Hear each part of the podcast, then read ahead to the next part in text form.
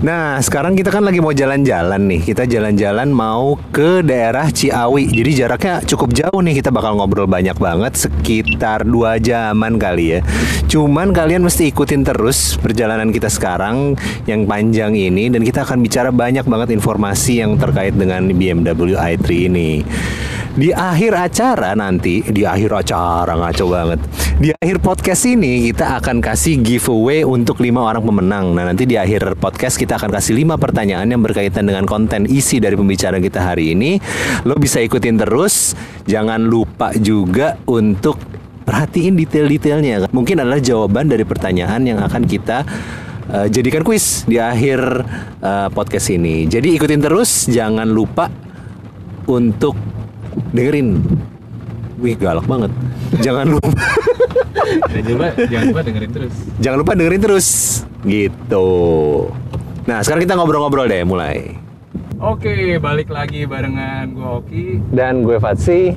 Kita di edisi spesialnya podcast Chief Chat. Asli ini spesial banget. Iya, Ini semua semuanya spesial nih. benar.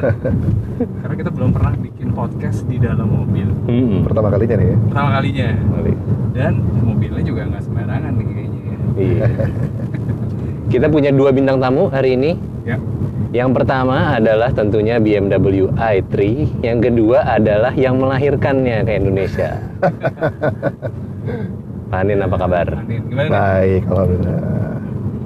Jadi kita lagi menikmati. Tadi kita bisa ngambil mobilnya di Astra Internasional di BSD, udah di charge juga.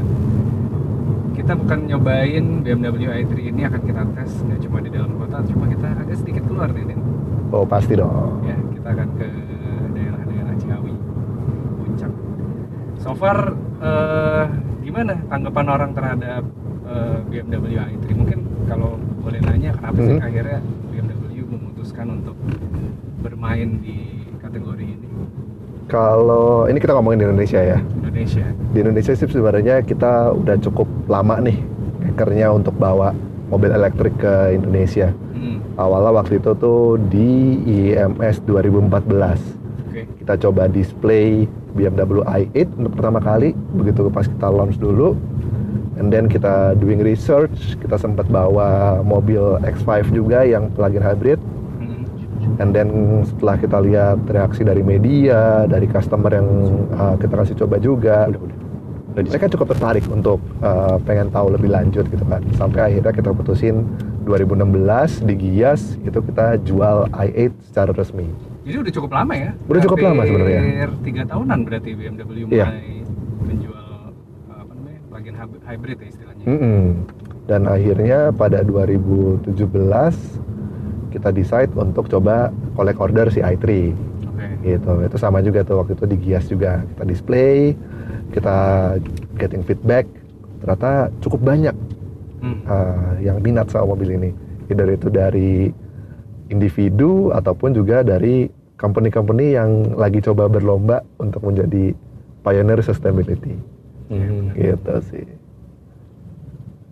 Dan gue tertarik memang dari sisi bentuknya juga futuristik banget ya. benar Jadi memang bukan hanya teknologinya aja yang futuristik, tapi tampilan luarnya apa Mhm. sih sebenarnya yang di konsep apa yang dibawa untuk BMW i3 kelihatannya kalau beda banget sama BMW Iya. yang lain. Kalau i3 itu sebenarnya sangat apa ya kita bisa bilang paling unik sih dari Hmm. semua BMW yang kita tawarin di seluruh dunia ya. Mm-mm. Karena terutama kalau kita duduk di bagian interior nih, ini ini tuh kita sekarang benar-benar ngerasain gimana uh, future dari premium mobility. Ini kita bisa lihat bahan-bahannya, ini semua kita pikirin ulang. Oke. Jadi kita waktu create BMW i3 ini kita nggak mau uh, comot platform yang udah ada, terus kita ganti aja mesinnya jadi mesin elektrik. That's not how we build electric cars. Hmm. Kita pikir ulang gimana caranya mulai dari event produksi. Jadi chassisnya ini itu kombinasi antara uh, aluminium untuk Hmm. penopang mesin elektrik dan baterainya, Ya. dan juga untuk chassisnya ini full uh, carbon fiber yang kita produksi di Washington Oke. gitu. Dan Jadi produk itu recycle ya? recycle, recyclable. Mobil ini kita bisa some up to 90% recyclable. Gitu. Either jadi uh, i3 yang lainnya ataupun juga bahan-bahan material yang kita bisa gunakan untuk berbagai macam kegunaan. Gitu. Dan yang uniknya pun di pabrik-pabriknya pun juga kita uh, menerapkan holistic approach-nya juga. Mm-mm. Kayak di Washington untuk pembuatan carbon fiber chassisnya ini itu uh, sumber daya listriknya itu ditenagai dari uh, hydro. Jadi tenaga pembangkit listrik tenaga air. Sementara untuk perakitannya di Dingolfing di Jerman itu kita uh, sumbernya dari pembangkit listrik tenaga angin. Buset. Jadi Gitu. bukan hanya outputnya aja yang Bukan. environmental friendly, Iya. cuma proses dalam pembuatannya pun environmental friendly. ya. Betul. Jadi emang kita benar-benar responsibel semuanya dan ekstensifnya lagi yang seperti tadi gue bilang di interior ini tuh paling berasa atau apa? Pada bagian door panel. Mm-mm. Ini satu contoh ya. Iya. Ini mungkin banyak orang bertanya kok door panelnya kayak belum di finishing gini sih kasar gitu kan, Yes. jelek banget. Padahal nggak. Sebenarnya ini adalah uh, ke- tanaman kenaf namanya. Jadi tanaman kenaf ini kita jahit sedemikian rupa dan ternyata kuat banget Hmm. sampai akhirnya kita bisa replace uh, bagian-bagian plastik dengan tanaman kenaf ini dengan goal uh, customer yang memiliki i3 ataupun yang sudah pernah mengendarai i3 mereka juga turut merasakan bahwa ada nature feels di bagian dalam interior dari BMW i3 itu sendiri. Ini bukan fiber dibalik Yang mana tuh? yang ini. Bukan. Jadi ini beneran tanaman, Fat. Oh, jadi bio kayak bio design gitu ya? Yes. Jadi emang kita bener-bener coba, waduh coba berbagai macam hal deh waktu kita coba bikin uh, BMW i3 ini. Semua material kita explore dan kita coba emang bener-bener berpikir out of the box banget. Mungkin ini uh, salah satu mimpi-mimpi desainer-desainer kita waktu itu sih kayaknya ya. mereka bener-bener bisa explore suka mereka deh pokoknya. Gitu. Terus juga kayak misalnya interior trim. Ini kalau kalian lihat mungkin kayak kayak ah, kayu gitu kan. Kita juga masih nebang pohon, tapi enggak juga. Walaupun kita mengambil kayu dari pohon, tapi kayu yang kita gunakan ini hanya kayu eucalyptus wood. Dan eucalyptus wood yang kita pakai ini pun uh, pertama dia salah satu tumbuhan yang paling cepat tumbuhnya, Hmm. jadi sangat sustainable. Dan yang kedua yang kita pakai hanya yang FSC certified. Gitu. Jadi kalau eucalyptusnya pun nggak FSC certified, kita nggak mau pakai. Nggak Soalnya kalau misalkan lo semakin banyak penggunaannya kesian koala nanti. Koala Betul, nggak bisa makanan nanti. Koala makannya ke Eucalyptus ya. Terus uh, lanjut lagi ke bagian upholstery. Di upholstery ini juga uh, kita menggunakan bahan campuran. Mungkin kalian masih lihat beberapa part uh, menggunakan leather, tapi leathernya ini pun juga untuk pewarnaannya pun kita menggunakan ekstrak dari olive oil atau minyak jarak lah bahasa Indonesia. Hmm, detail Gitu. banget. Jadi emang benar-benar natural banget. Terus juga kayak misalnya yang bagian clothnya ini, ini juga uh, dia pure wool.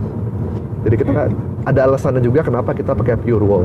Hmm. Karena dengan kita pakai pure wool, wool itu adalah salah satu material yang dia sangat baik untuk menjaga climate. Yang di mana at the end, ujung-ujungnya mengurangi beban kerja si uh, AC. Oh. Gitu. Jadi emang kita bener-bener pikirin banget deh semuanya. Overall sih kurang lebih kayak gitu dulu sih. Pengembangannya dulu berapa lama nih? Wah pengembangan Dari kayak- prototype misalnya. Cukup 10 lama sih sebenarnya. Kalau Hmm. kita tarik lagi benang merahnya ke belakang, BMW itu udah ngeker mobil elektrik itu dari uh, Olimpiade 1972. Waktu itu BMW 2002 kita convert jadi full elektrik untuk jadi pace car.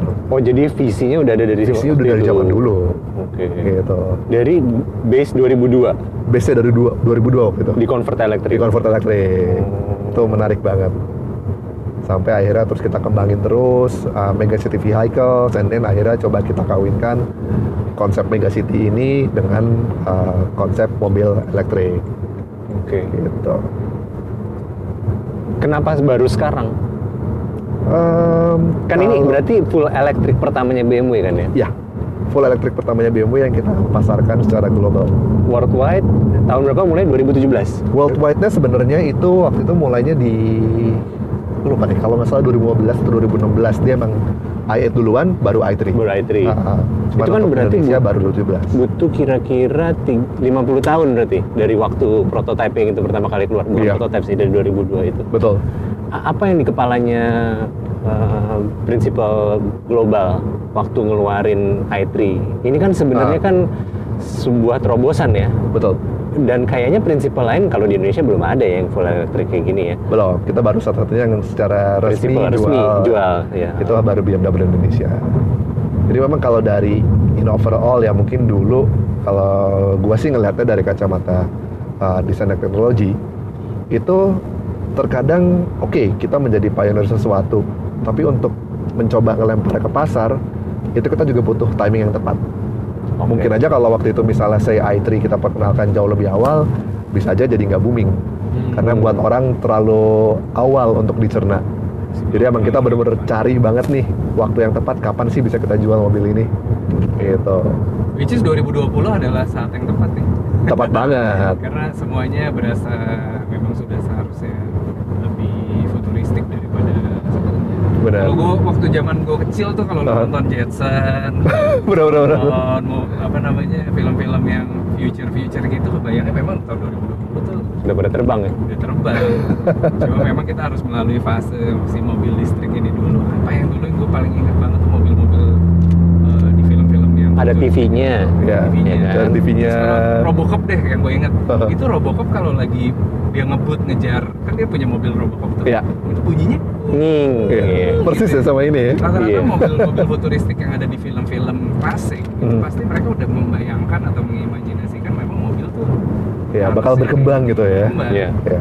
dan ujungnya adalah ya si mobil sih pas gue Iya. masuk kemarin memang sebuah pengalaman yang beda banget sih Ah, Uh, terutama pas lo ngidupin mobil karena biasa kita pakai uh, apa namanya ya mobil apa istilahnya Konvensional. combustion engine. Ya. itu kan harus ada berasa starter Ya. zeng gitu berasa Ada engine suaranya. ada, ada engine tapi di sini totally Silent ya. Nggak Terus ada suara future-nya itu tuh ya. iya benar apa lo istilah lo suara nyamuk Suara nyamuk ya. nyamuk terbang nging gitu ya. iya udah dan itu gue rasain banget sih dan apa namanya kalau misalkan kita coba lihat dari tadi desain dalam Hmm. desain mesinnya gimana sih ada orang beberapa yang khawatir kalau misalkan mereka beli mobil elektrik Hmm. performanya mungkin berasanya kurang responsif Oke. atau kurang sporty apa yang sebenarnya ada di ini nyebutnya berarti nggak ada mesin ya ini mobilnya Gak ada eh, mesin elektrik ada ya? Mesin elektrik. Ah, motor elektrik ya. Motor elektrik. apa yang ada yang bisa dirasain sebenarnya sama si pengguna ketika mereka pakai Kalau eh, masalah mindset itu sih sebenarnya itu jelas patah nih kalau dengan mobil elektrik. Karena gimana pun juga eh, mobil elektrik itu torsinya malah jauh lebih instan. Gitu. Jadi begitu kita langsung eh, injek pedal gas itu powernya langsung nggak ada delay sama sekali. oke Dan juga mobil ini pun juga dia single speed transmission. Jadi nggak ada nggak ada tuh jeda-jeda ganti gigi tuh udah nggak ada lagi. Jadi bener-bener smooth, terus bener-bener wah cepet banget deh. Iya. Apalagi 0 sampai 50 km per jam, kita bisa adu-aduan deh sama supercar, cepetan mana. udah lo tes berapa berapa ini Eh, udah, ada datanya berapa Iya. ada yang udah lo under 5 seconds. Gue lupa deh exact number-nya berapa, tapi jauh lebih cepet. Jadi emang bener-bener torsi pertamanya tuh gila-gilaan banget.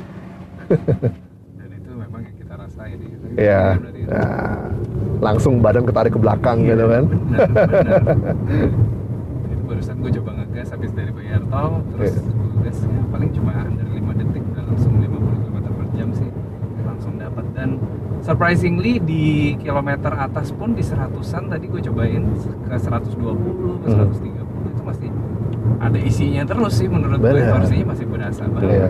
Menurut gua nggak akan ada itunya, nggak akan ada kosongnya. kosong ya. selalu ada Selalu ada. Selalu ada. Selalu ada kalau mesin elektrik. Nggak ada nggak ada RPM yang jelas kan. Iya. Dia nggak ada gear ratio, nggak ada beban yang tertransfer. Betul. Plus nggak ada asap lagi kan. Ya. Canggih banget. Itu yang paling penting. Iya. Zero emissions. Zero emission. Mobil ini benar-benar nggak produksi CO sama sekali. Jadi emang ini benar-benar sesuai lah dengan topik sekarang. dijadikan energi ya. Iya. Kalau- Even kalau ngerem pun itu juga energi ditangkap sama kita buat ngecharge si baterainya lagi, buat nambah daya. gue nggak ngerti sih kenapa mobil apa namanya mobil elektrik ini Hmm. nggak dipakai oleh banyak orang harusnya udah memang udah saatnya semuanya memang pindah Pindah ke sini ya. Betul. Iya. Kalau pengalaman lu, kan lu gue sering lihat lu bolak-balik juga nih ke Hmm. Munchen. Mhm. Apa sih sebenarnya tren mobil di sana nih? Kalau tren mobil di sana itu mungkin udah uh, bisa dibilang jauh lebih dibanding mobil elektrik kali ya. Even kayak misalnya, oke kita punya mobil uh, BMW i3 gitu ya. Terus misalnya, saya gimana nih kalau misalnya kita kita mau uh, travel, tapi kan kita nggak punya mobil di tempat tujuan kita. Ya. Nah, kalau kebiasaan gua di Munchen itu, gua pakai aplikasi dari BMW juga, namanya Drive Now. Ya. Nah, di Drive Now ini kita bisa pakai mobil kapan pun dan di mana pun. Kita tinggal ambil, kita tinggal drop, kita nggak usah mikirin parkir, nggak usah mikirin bensin. Dan menurut gua itu bener-bener uh, tren masa depan yang harus kita coba adopsi sih sebenarnya di negara kita. Karena kita udah ibaratnya nggak butuh mobil lagi, pergi ke mana pun kita udah nggak usah mikir gitu kan. Dan bagusnya lagi itu juga uh, kita nggak menyumbang penambahan CO juga untuk udara. Jadi Drive Now itu semua mobilnya memang disupport oleh BMW. Ya, BMW dan Mini gitu. Jadi Sampai konsep mobilnya car sharing. Kalau misalkan di sini kan apa Hmm. namanya transportasi online kan dimiliki oleh individu-individu orang-orang kan punya Hmm. pribadi. Kalau Hmm. di sana berarti Drive Now Mobilnya udah nyebar aja di mana-mana. punya BMW semua. Iya, punya punya kita semua. kita tinggal ambil, kita tinggal unlock lewat uh, handphone, Mhm. drive. Kalau misalnya mau di keep, kita bisa keep. Atau misalnya kalau misalnya kita mau end rental, kita tinggal uh, selesaiin aja. Terus pembayarannya based on apa? Based on jarak. Dia based on per minute, gitu. Dan per menitnya itu pun uh, masih di bawah setengah uh, sen. Setengah sen. Iya, 0,50 Pakai kredit card. pakai kredit card. Kita link ke kredit card ataupun ke debit card. Ilustrasi deh misalkan Mhm. dari lo airport landing sampai ke hotel atau Airbnb lo berapa menit biasanya? Kalau gua dari hotel ke airport itu jaraknya kurang lebih mungkin kalau waktu sekitar 40 menit. Oke. Itu kalau gua pakai taksi, gua bisa spending kurang lebih uh, 80 sampai 90 euro. Mhm. Dengan pakai Drive Now gue cuman sekitar 30-an. Wah, Ya, dan itu udah termasuk uh, sepertiga ya. airport fee-nya segala macam karena biasa kalau mobil rental kalau di airport lebih mahal kan. Iya. Hmm. Jadi kalau misalnya kita nggak hitung airport fee itu mungkin sekitar cuma 20-an sebenarnya per menitnya. Jadi emang murah banget. Kan kalau misalnya kayak begitu bukannya car ownership nanti akan turun? Kalau itu sih Orang jadi sebenarnya- milih nggak punya mobil nggak sih? Itu iya, tapi kan juga eh, gimana pun juga, I don't know ya, gue sih ngelihat masa depan tuh sebenarnya kita harus lebih mikir eh, balik lagi ke masalah holistik sih. Hmm. Itu udah gitu juga eh, masalah environmental kan juga sekarang lagi happening banget gitu kan. Hmm. Mungkin ke depannya di Indonesia kita nggak butuh mobil sebanyak ini juga gitu. Ya. Oke. Apalagi kalau dengan semakin semakin banyaknya mobil pun juga orang pertama satu mereka butuh eh, garasi lebih gede. Hmm. jalanan juga butuh lebih lebar, lebih panjang lagi, yang which is at some point itu pasti akan ada batas limitnya lah, Iya. gitu.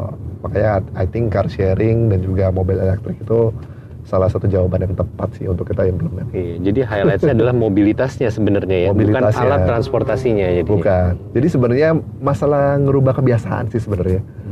Ya kayak kita misalnya hari-hari sekarang mungkin dengan transportasi umum sekarang udah uh, banyak berkembang dan udah bagus, orang udah mulai shifting. Hmm. kan tadinya kan orang sebenarnya nggak biasa dengan hal itu gitu kan Hmm. tapi dengan adanya hal baru itu orang mulai coba pindah mungkin dia nyetir dari rumah sampai ke stasiun terdekat mobilnya taruh di situ and then continue pakai mobil uh, public transport kayak gitu aja sih sebenarnya Jadi mungkin in the future yang ada adalah di garasi-garasi kalian hanya collectibles item saja ya. bisa jadi Kayak itu E34 Ani, Mainan, mainan. mainan-mainan mainan-mainan yang lucu-lucu itu masih di keep di rumah.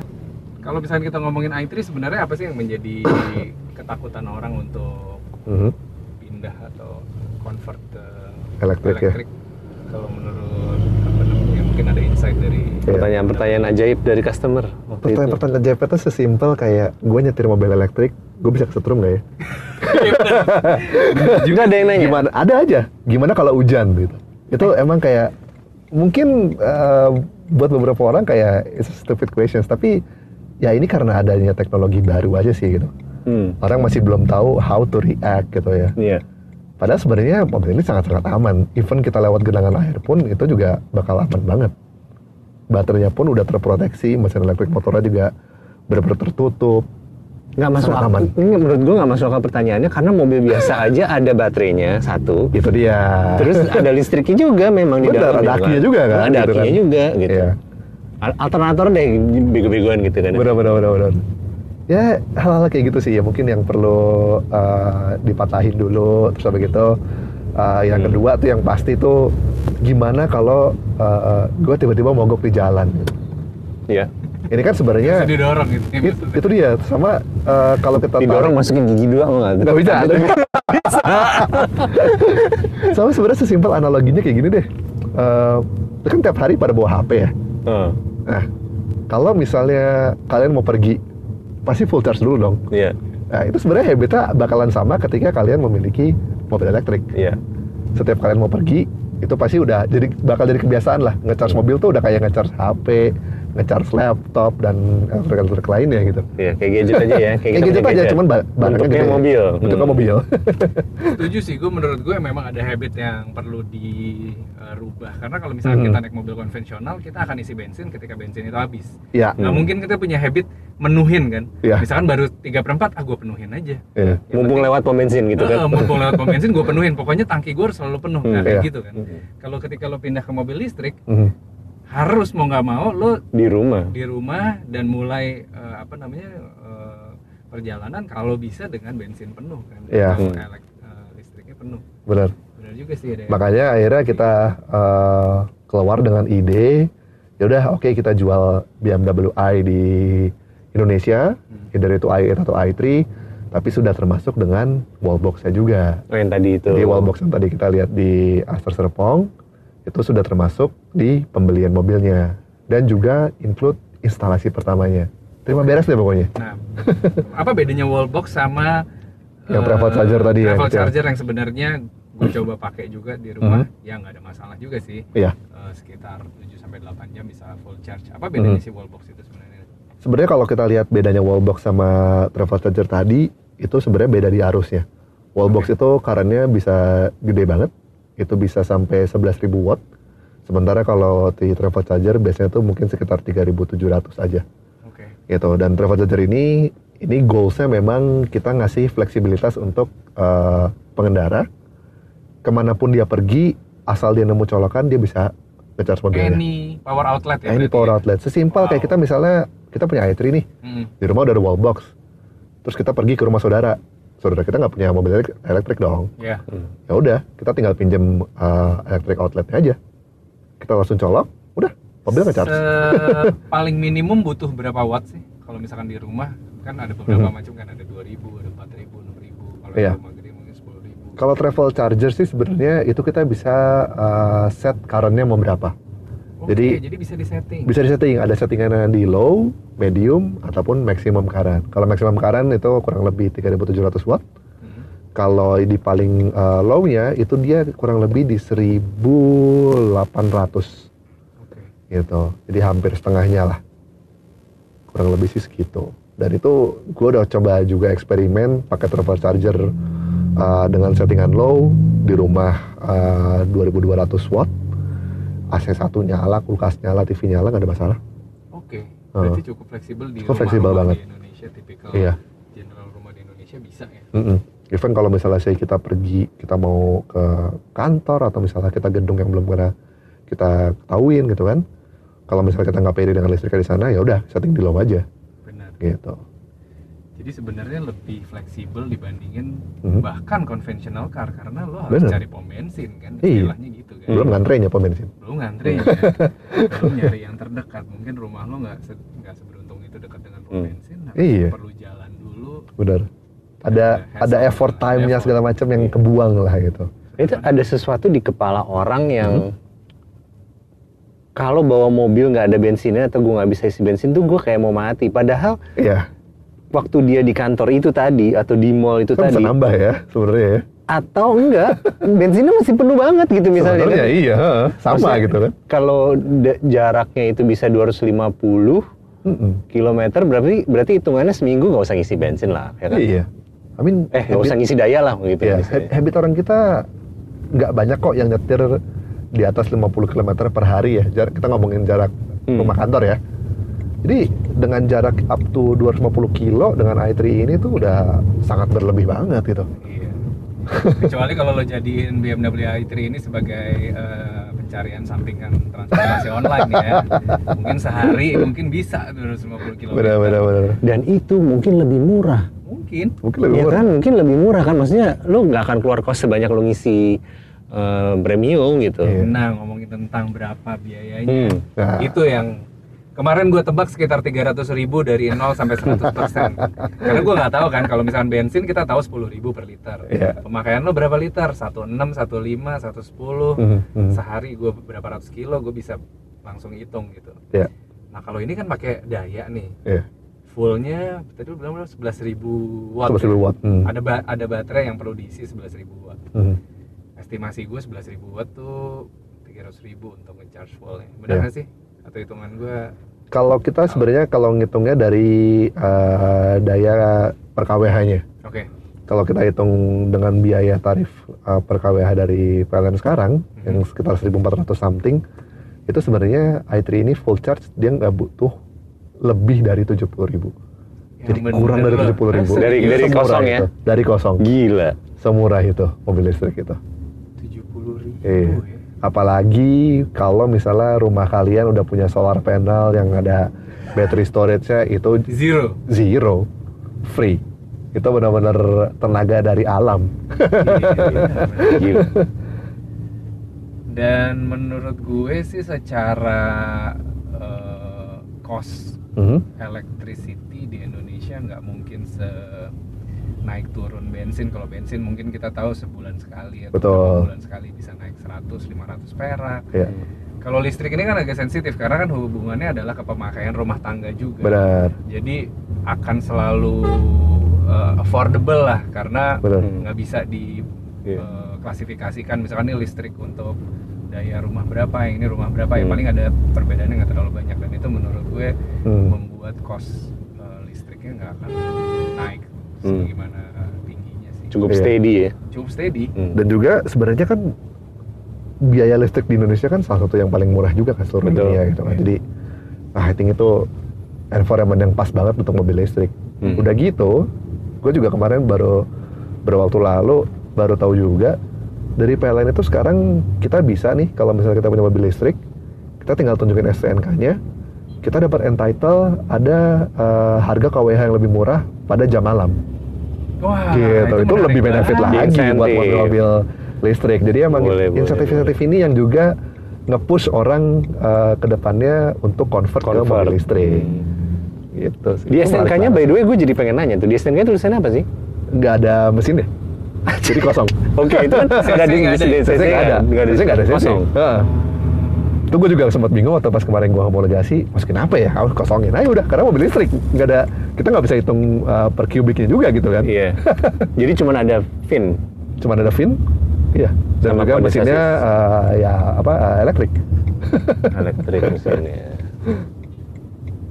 Nah kalau ngomongin tentang pajak-pajaknya gitu gimana Hmm. sih Nen? Udah jelas atau berapa perhitungannya kalau misalkan mobil baru kan kita tahu tuh hitungan pajaknya Iya. the road-nya berapa. Iya. Kalau ini ada informasi nggak dari lo? Kalau pajaknya sih sebenarnya uh, yang ngebedain dari mobil ini, mobil listrik sekarang itu dengan skema pajak sekarang ya, itu mobil ini hanya membayar import duty-nya saja. Gitu. Jadi luxury tax tidak dibebankan ke mobil ini 0%. Dia masuk kategori 0%. Nah, cuman uh, masih ada BBN nih. Bila Gitu. Untuk biaya balik namanya tuh masih ada. Jadi makanya kenapa masih ada harga off the road dan harga on the road-nya. Hmm, oke. Mungkin ke depannya kalau misalnya say tiap daerah uh, punya kebijakan, oke mobil listrik kita bebaskan BBN-nya, wah, I think would be great. Itu akan lebih menarik uh, pasar mobil listrik untuk growing lebih besar lagi. Angin BBN-nya atau mungkin sampai ngebebasin BBN itu, Oke. I think bakal ngembangin banget. Jadi tinggal BBN-nya aja ya. yang Mm-mm. Harusnya bisa dikurangi lagi lah supaya lebih banyak orang pakai mobil listrik. Betul. I think itu Oh. juga sering waktu lah. Karena kan kayak kemarin aja soal ganjil genap akhirnya mobil elektrik yang full Iya. Iya. itu boleh bebas ganjil genap. Tapi kalau memang untuk yang masih plug-in hybrid ataupun uh, yang hybrid itu belum. Jadi kayak gitu-gitu. Ya kita sekarang sih ngikutin perkembangan pemerintah aja seperti apa dan coba kasih mereka saran-saran terbaik juga. Sebagai gambaran kalau di luar negeri itu berapa Hmm. sih harganya? Kalau di luar negeri di Jerman itu kurang lebih ranging antara tik- sekitar sekitar 35 ribuan lah. Itu berarti udah 35 sampai 40 ribuan. Tapi itu yang basic ya. Oh, Jadi memang dengan tidak equipment seperti i3 yang lagi kita setir ini oh. gitu. Nah kalau ini kan kita buka kap mesin nggak ada mesinnya. ada. Jadi sebenarnya apa dong eh, maintenance yang perlu diperhatikan buat para pemilik mobil? Maintenance sebenarnya jauh ini? lebih simpel. Uh, satu ban, kampas rem, minyak rem, washer fluid untuk uh, kaca depan. Udah. Udah. Udah. itu doang. Oli nggak ada, kopling nggak ada. Baterai? Baterai itu juga jarang banget rusak. Even kita pun juga ngasih garansi ke customer baterai uh, baterainya ini digaransi 8 tahun atau 100 ribu kilometer whichever comes first saja Ya, jadi sama kayak apa namanya? Sama kayak lo beli handphone gitu ya. iya Paling rusaknya ya body lah, lecet apa segala macam, Heeh. layarnya cuma. malah jauh lebih simpel gitu ya hari-hari Komplain ya. Heeh. Nggak ada Selama- kayaknya orang servis servis apa mas servis baterai nih. iya Selama baik-baik aja dia akan baik-baik aja gitu Iya, ya. dan yang menariknya pun kalau misalnya saya ada butuh ke penggantian uh, baterainya, itu diganti itu per sel. Jadi bukan baterai seutuhnya. Hmm. Ngomong-ngomong soal baterainya juga, ini juga unik. Sekarang itu kita uh, di luar sih belum di Indonesia, tapi mungkin kita soon akan menghadapi hal seperti itu. Jadi customer yang lama itu kita juga offer untuk mereka upgrade baterainya Hmm. ke daya yang lebih besar. Saya misalnya dari yang 94 upgrade ke 120 Hmm. atau even dari yang 60 ke 120 itu uh, baterai lamanya kita ambil lalu kita gunakan ulang either kalau yang bisa didaur ulang daur ulang atau misalnya nggak bisa didaur ulang kita gunakan untuk penggunaan lain kayak misalnya jadi uh, baterai penyimpanannya solar panel untuk di rumah Hmm. itu bisa Oke. gitu. Jadi walaupun ibaratnya baterainya udah nggak usable untuk uh, mobil elektrik lagi, itu tuh sebenarnya bisa digunakan untuk uh, kegunaan lainnya. Recently kita juga baru convert uh, boat kecil Hmm. Pakai baterai bekasnya i3 gitu. Jadi kita lagi coba cari approach-approach yang itu supaya uh, Sustainability. sustainability-nya tuh bener-bener Hmm. berkelanjutan, nggak cuma Gila. ngomong kita mau bilang green car loh, tapi emang semuanya benar-benar kita pikirin banget. Itu salah satu keunggulan dari BMW i memang jadi. Jadi memang eh, in the future bisnisnya bukan tambang nih kayaknya Eh, adalah bisnis baterai. kayaknya. bisa tuh bisa banget tuh. Iya kan? Kayaknya orang-orang semua butuh baterai dari handphone, power Iya. bank, mungkin ada power bank untuk mobil. Betul. Dan itu pun I think juga kalau buat gua sih jadi lebih happy karena semakin banyak orang main bisnis baterai pasti dong harga baterai jauh lebih murah. Iya. Ujung-ujungnya apa? Harga mobil listrik juga jadi lebih murah. Murah. Palingnya jadi affordable untuk everyone lah. Kalau untuk BMW sendiri untuk eh, pengembangan seri i ini berarti Hmm. semua elektrik akan di bawah payung i. Ya, jadi untuk yang full elektrik itu akan di bawah BMW i. Hmm. Sementara untuk yang plug-in hybrid kayak misalnya 530e atau 330e Hmm. itu dia ada di uh, brandnya BMW. Jadi yang regular models Oke. gitu. Terus nanti seri i ini Mhm. apa ya line up di 2020? Kita tuh goalnya by 2024 kita akan ada uh, fully fledged up to 25 mobil akan kita roll out. Wow, serius? Ya, 25 series. Eh Iya. 25 apa series benar? 25 ya 25 SKU. model. Nah, jadi termasuk yang mobil uh, plug-in hybridnya juga. Oke. gitu. Jadi emang bener-bener kita mau coba tawarin uh, ke semua lini model yang kita offer di pasaran itu ada uh, elektrik uh, motornya Tahun 2024. 2024 4 tahun dari sekarang. atau dari sekarang. Akan ada 24. Berarti tahun ini lo akan ngeluarin 6. Tahun ini will sih. Gila.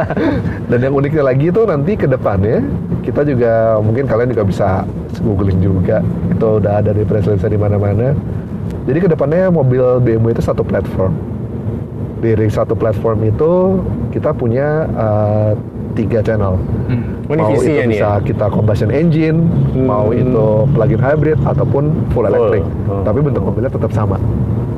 Gitu. Jadi emang kita bener-bener uh, ngasih pilihan yang lebih bebas lah untuk customer kita. Oke. Oke. Jadi kalau misalnya kita lihat X5 bentuknya X5 tapi Iya, ada yang mau yang elektrik, mau yang plug-in hybrid, mau yang konvensional Wow. juga ada. menarik nih. Noh, kalau misalnya kayak begitu, Aha. yang I-nya gimana nih? Yang I-nya? Kalau i tetap dia i te- dia akan Tetap i under terus. di uh, megang yang B, full BEV. Oh, Gitu. gitu. Cuman tadi bicara yang line up yang konvensionalnya. Ya, Oke. yang lebih ke overallnya. Karena podcast ini dibikin pada saat gue nyetir, jadi gue pengen Hmm. sharing sedikit. Tadi Andin sempat kasih suggestion untuk menggunakan aktif eh, cruise control. Benar ya? Ya, active cruise control with stop and go. With stop and go. Jadi dia cara kerjanya adalah kalau misalkan cruise control kebetulan di mobil gue yang satu lagi ada cruise control, cuma dia pasif kayaknya. Jadi kalau dia udah di lock di 80 ya 80 aja. Kalau misalkan tiba-tiba mobil depan udah agak dekat jaraknya ya mau nggak mau gue harus ngerem gitu. Hmm. Tapi beda dengan i3 karena dia mengadap- mengadaptasi eh, apa namanya? eh, istilahnya apa? Active cruise control. Active cruise control. Jadi walaupun dia bisa menjaga jarak dengan mobil depan ya. Ya, jadi dia ada radarnya nih di spion depan. Oke. Dia ngebaca jarak ke mobil depan itu seberapa dan itu bisa kita setel jaraknya mau seberapa dekat gitu. Jadi bisa bisa dekat banget. Bisa dekat banget ataupun bisa agak lumayan jauh. Jadi ada empat bar yang bisa diatur. Iya. Gue nggak tahu nih per berapa kilometer nih jaraknya. Jadi kalau yang paling Mhm. dekat adalah eh, Paling dekat sih at least 3 second roll sih ada sih. 3 seconds roll ya. Iya. Jadi emang kita bener-bener jaga jarak aman lah ke mobil depan. Jadi ini sistemnya eh, automation, tapi tadi lo bilang apa? Automation yang udah- Autonom, ya jadi autonomousnya masih level 1, jadi uh, fit off. Jadi kalau untuk uh, eyes sama handsnya masih harus on, Oke. gitu. Jadi gue tetap harus masih tetap aware. Aware. Hmm. Tapi tangan dan mata aja. Ya. Kaki udah bisa Tapi udah bisa fit off. bisa fit off. Mm-mm. Terus bedanya sama autonomous level 2? Kalau level 2 itu sudah hands off, Oke. and then kalau misalnya level 3 itu udah eyes off. Tidur. Tidur. itu ada lagi. Serius? Jadi nanti level 4 sama lev- level 4 itu udah mind off. Gitu. Jadi dia bisa jemput anak kita bawa bawa atau anak pulang.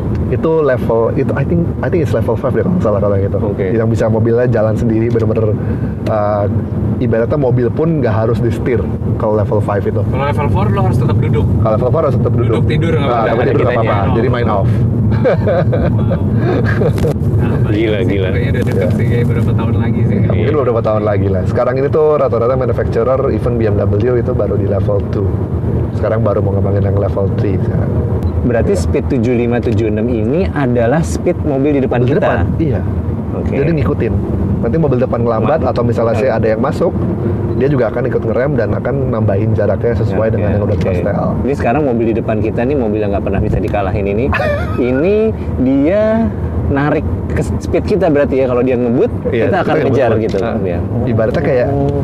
analogi simpelnya kita eh, naliin ke mobil depan. Iya, iya benar benar benar benar benar. Bahkan ngerem pun dia ngerem, kita juga Kita akan ngerem jarak- juga. Ngerem juga. Jarak yang Wow itu pintar sekali. Dan ketika ada mobil yang nyelak pun Hmm. di tengah-tengah, dia akan ngatur juga ya. Iya, dia akan ngatur, ikut ngatur juga. Ngatur ke rem belakang. Cuma memang karena gue baru eh, awal-awal nih pakai ini, jadi masih agak-agak suka Kagok-kagok ya. kagok. Kita mau nginjek rem takut kenapa-napa, Iya. tapi ternyata nih gue coba untuk eh, lepas sama sekali sih aman-aman aja. Iya. Part Even di mindset ya. Betul. Even di sini pun kita bisa lihat, kita bisa setel di bagian settings. Itu ada di intelligent safety. Mobil ini juga ada punya uh, front end collision warning. Jadi warning pointnya pun juga bisa kita setel, misalnya mau early, medium atau late. Hmm. Jadi saya misalnya tiba-tiba ada mobil depan masuk ngerem mendadak, dia akan ngebantu uh, ngerem juga Akan ngasih supaya nggak collision. Iya. Hmm. Oh sekalian ngerem. Sekarang ngerem. kayak di intercept banget ya orang ya ngerti Iya. ya gitu. Jadi apa-apa deh. sistem ini jadinya jatuhnya lebih kayak ngebantu lah, asistensi. ya? preventif dulu gitu. Hmm. Kitanya tinggal begitu tinggal full break. Oke.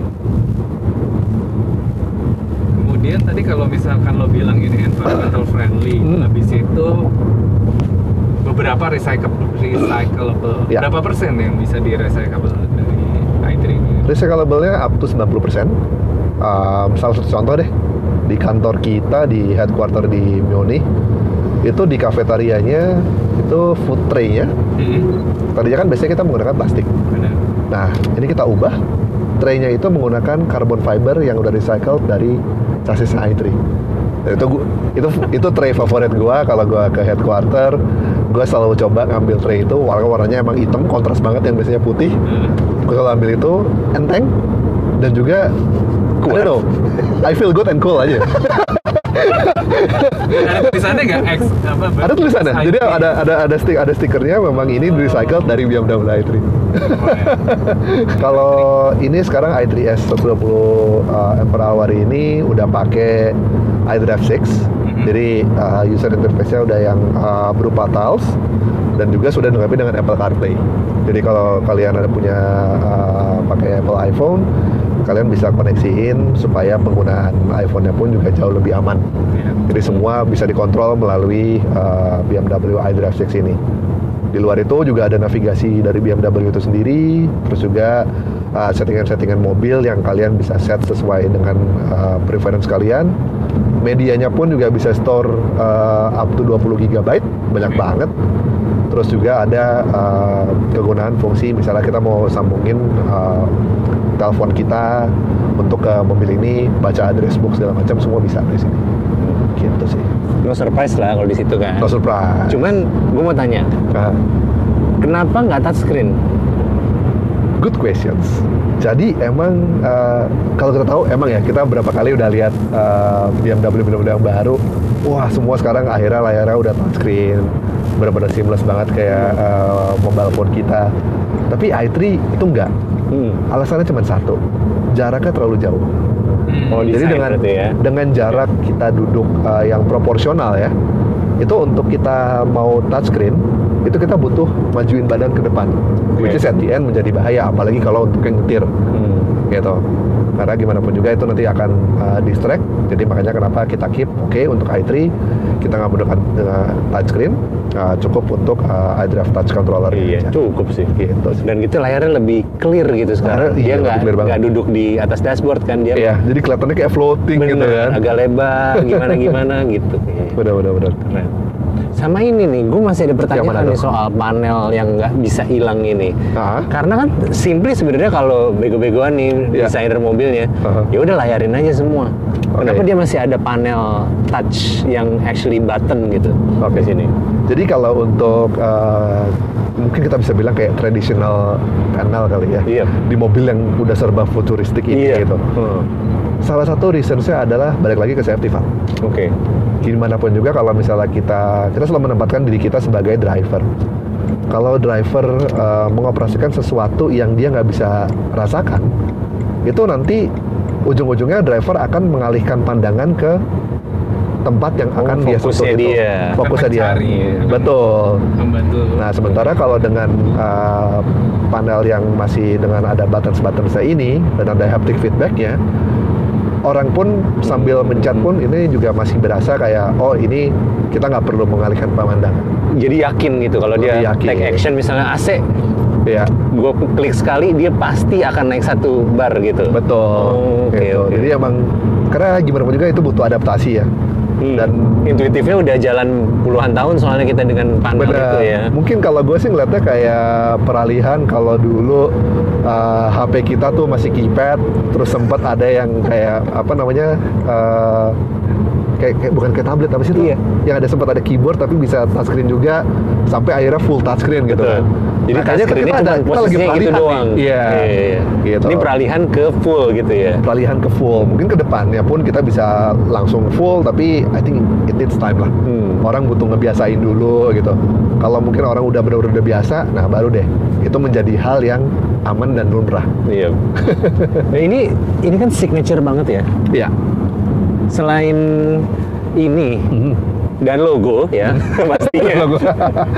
Eh, signature design apa yang dipertahankan dan apa yang baru di uh, i i series ini Kalau of course kalau dari uh, DNA desain BMW sendiri kita tetap mempertahankan uh, driver orientation ya.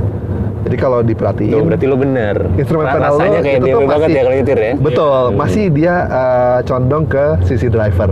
oke Itu walaupun nggak banyak, I think 2 degree or 3 degree, tapi berasa banget impactnya itu. Oke. Kita benar-benar in control untuk driver gitu sih. Itu yang tetap kita pertahanin. Dan juga uh, looks and feel-nya seperti kayak drive touch button-nya pun juga kita nggak bedain sama seri-seri lainnya.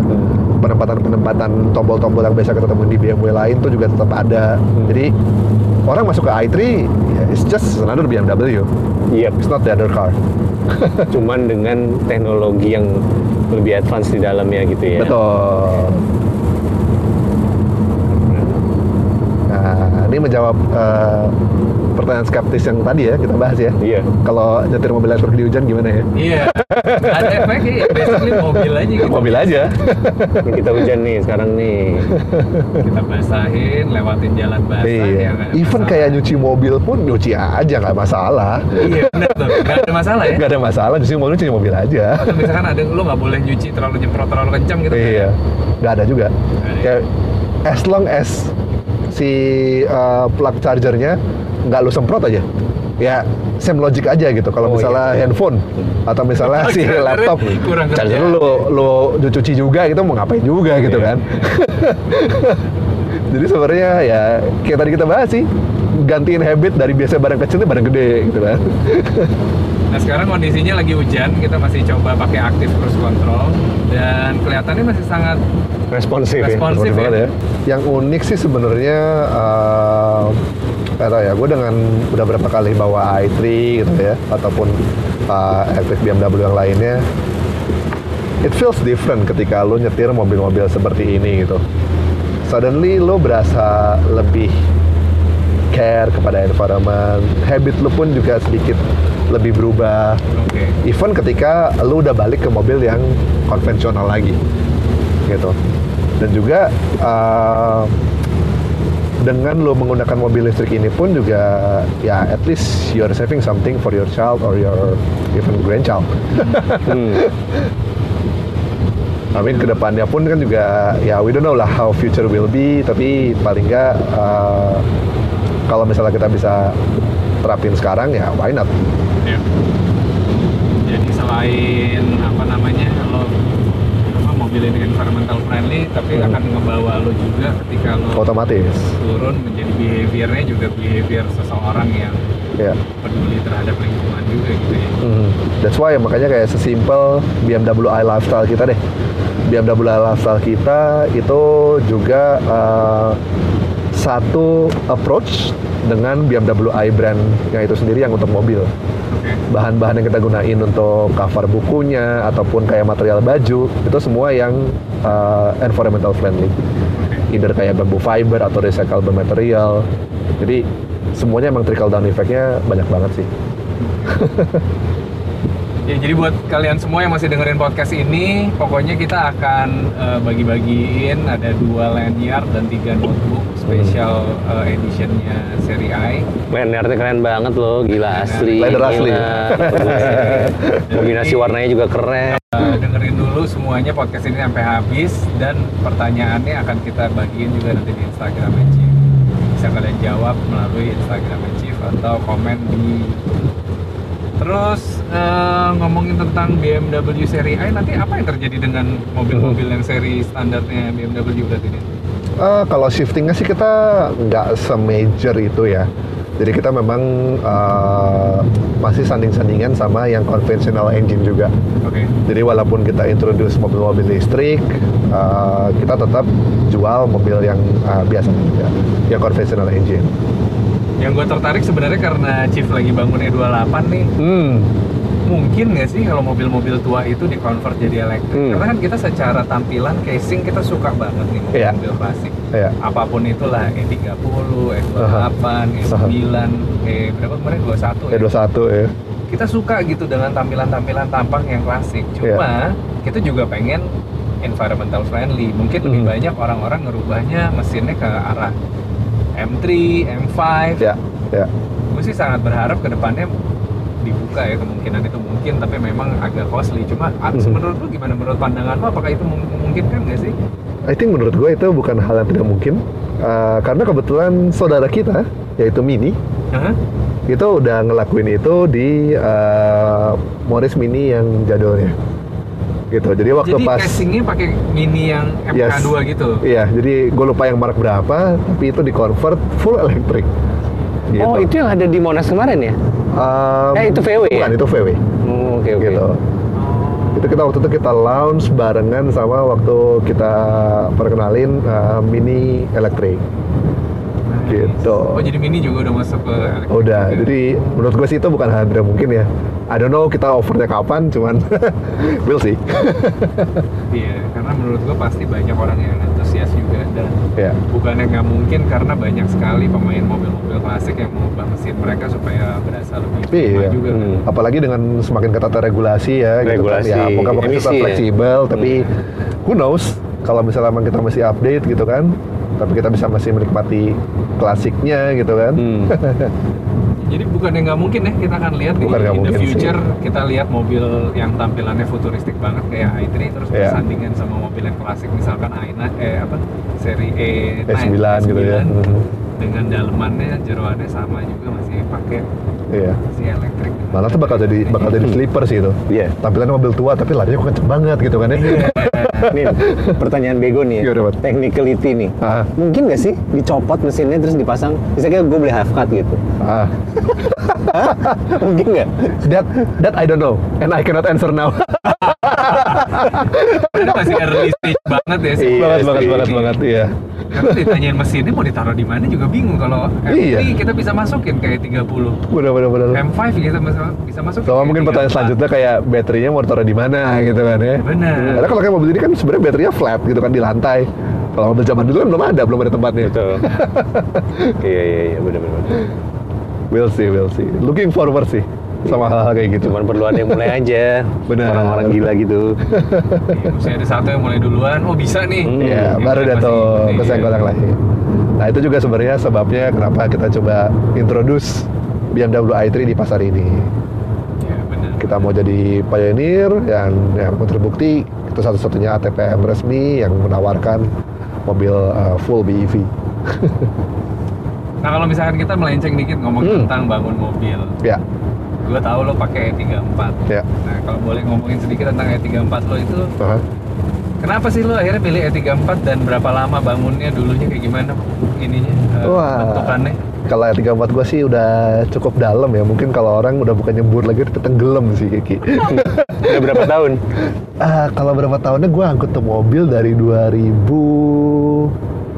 I think 2012, 2013 Udah lama ya. udah lumayan lama bangunnya udah ya ketipu sana sini juga bengkel pindah-pindah gitu Lo kan aja masih bisa ketipu ya? Oh, masih masih orang Indonesia ketipu apalagi kita.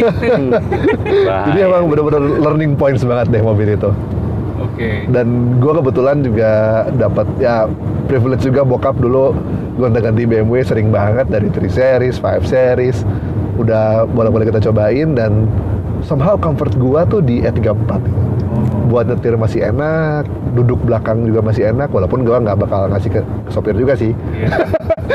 tapi it's very enjoyable car sih. Jadi berapa setelah berapa tipe BMW yang lo, bokap lo cobain atau koleksi akhirnya lo sampai ke 34 udah nyobain Um, seri berapa aja jadi? Gue tuh udah ada E28 dulu, E E30, E36, E46 juga sempet kalau gue pakai. E30 even dua kali, and then E36 juga dua kali. Mungkin Oh, jadi sekitar 6 atau banget 7 sama mobil lah ya. dari dulu ya? Lumayan. dan yang gue seneng tuh kalau bangun BMW itu it's like building Lego gitu, apalagi mesinnya. Banyak kesamaan untuk tipe-tipe lainnya. Oh. Jadi kita bi- bisa ngambil parts-parts lainnya nggak harus Hmm. spesifik mobil itu jadi mesin uh, seutuhnya gitu. Itu sih yang buat buat gua menjadi hal unik main BMW. Jadi E34 dari 2012 lo Ah. ngangkat dari bahan. Eh, nggak bahan banget sih. Waktu itu masih alhamdulillah kondisinya hmm, un- unfortunately nggak yang bahan pikiran. Masih drivable dan waktu itu dulu warnanya masih hitam diamond black. Kondisi standar masih belum uh, body kit masih yang standar. Oke. velg juga masih velg 16 wah kondisi beda banget deh sama yang sekarang. Sekarang sih udah kita restore habis-habisan Jadi itu lo restore full ya? Eh, kalau gue bilang restore full sih kayaknya belum masih Jadi part ulang? by part sih. Oh, palingnya kayak oke. udah udah udah pernah repaint, udah engine udah gua naikin cc-nya, eh, transmisi gua swap, gua ganti ke manual, cukup banyak lah perjalanan mobil itu. Jadi safe to say lo akan kemungkinan besar lo akan mengulang proses ini lagi nanti kalau udah lengkap semua ya. I think so, Oke. ya. Kayaknya bakal approach ke situ sih. Oke. Jadi lagi ngomongin ini Apa tuh? tiga empat. Oh iya, 34. 34. Lagi Hmm. ngomong 34. Jadi lu dapetnya bahan warna hitam. Warna bahan. hitam. Kenapa akhirnya sekarang jadi biru kayak gitu? Lo bertanggung jawab atas perubahan warnanya. Karena eh, Itu biru- birunya biru apa sih by the way? itu Santorin Blue, Santorin Blue 2 lebih tepatnya. Memang ada. Jadi itu memang individual color dari BMW. Dia lebih muda daripada Santorin yang biasa kan? Lebih muda. Jadi Iya. kalau Santorin Blue 1 eh, itu dia lebih pekat birunya, Oh, lebih deep ya. lebih di Ini solid color ya? solid color. Oke. Jadi memang Santorin Blue 1 itu waktu itu di offer warna ini di E34 M5. Oh. Mean goal gue sih sebenarnya nggak muluk-muluk. Eh, Muluk ini pasti Muluk ya? ceritain. Ceritain. jadi sebenarnya awalnya tadinya tuh mau eh, katalog korek lah ibaratnya bukan variant Oh, korek. iya, oke. Gitu. Jadi tapi oh, katalognya option yang pun ada di katalog lo mau masukin situ. Benar. Oke. Dan gua nggak matok ke equipment yang ada di market Indonesia. Gua maunya Oke. equipment apa yang ada di 34 mau gue coba masukin pokoknya di Bapak product planning gua. manager nih, dia bermimpi waktu kalau gue jadi product planning waktu itu, gue akan keluarin full speknya kayak gimana, gitu kan? Benar, kurang lebih kayak Oke gitu. oke oke. Jadi Nah, bikin coba pakai bumpernya yang M Sport, terus Hmm. habis gitu uh, termasuk leather steering wheel. Hmm. So, waktu itu gue juga sempat pakai yang si Sport Seats bawaan yang 34 M5-nya. Hmm. Even kayak cool box. Jadi cool box dulu tuh sempat ada yang 34 Hmm. masuk sini 530 individual nama variannya itu udah ada pakai cool box belakang. Wih. Nah, gue dapat dari kampakan, cool boxnya gue repair, akhirnya sekarang udah bisa nyala nih mobil gue. Hmm. Dan I think itu juga jadi useful equipment aja sih buat di Indonesia kita bisa nyimpen minuman dingin di belakang atau makanan. Jadi udah enak aja. Terus udah gitu, uh, selain itu goal gue juga mau, gue tuh mau ngebuktiin seri 5 itu bisa juga dynamic. Karena orang mikirnya tuh seri 5, ah mobil yang lebih laid back lah. Nggak kayak seri 3 yang bisa dibawa ngebut tuh ayo gitu. Oke. Nah, gue tuh mau mematahkan skeptik. Skeptis itu. Dengan melalui apa? Mengupdate, mengadaptasi apa? gua upgrade mesinnya, gua upgrade suspensinya juga. Oke.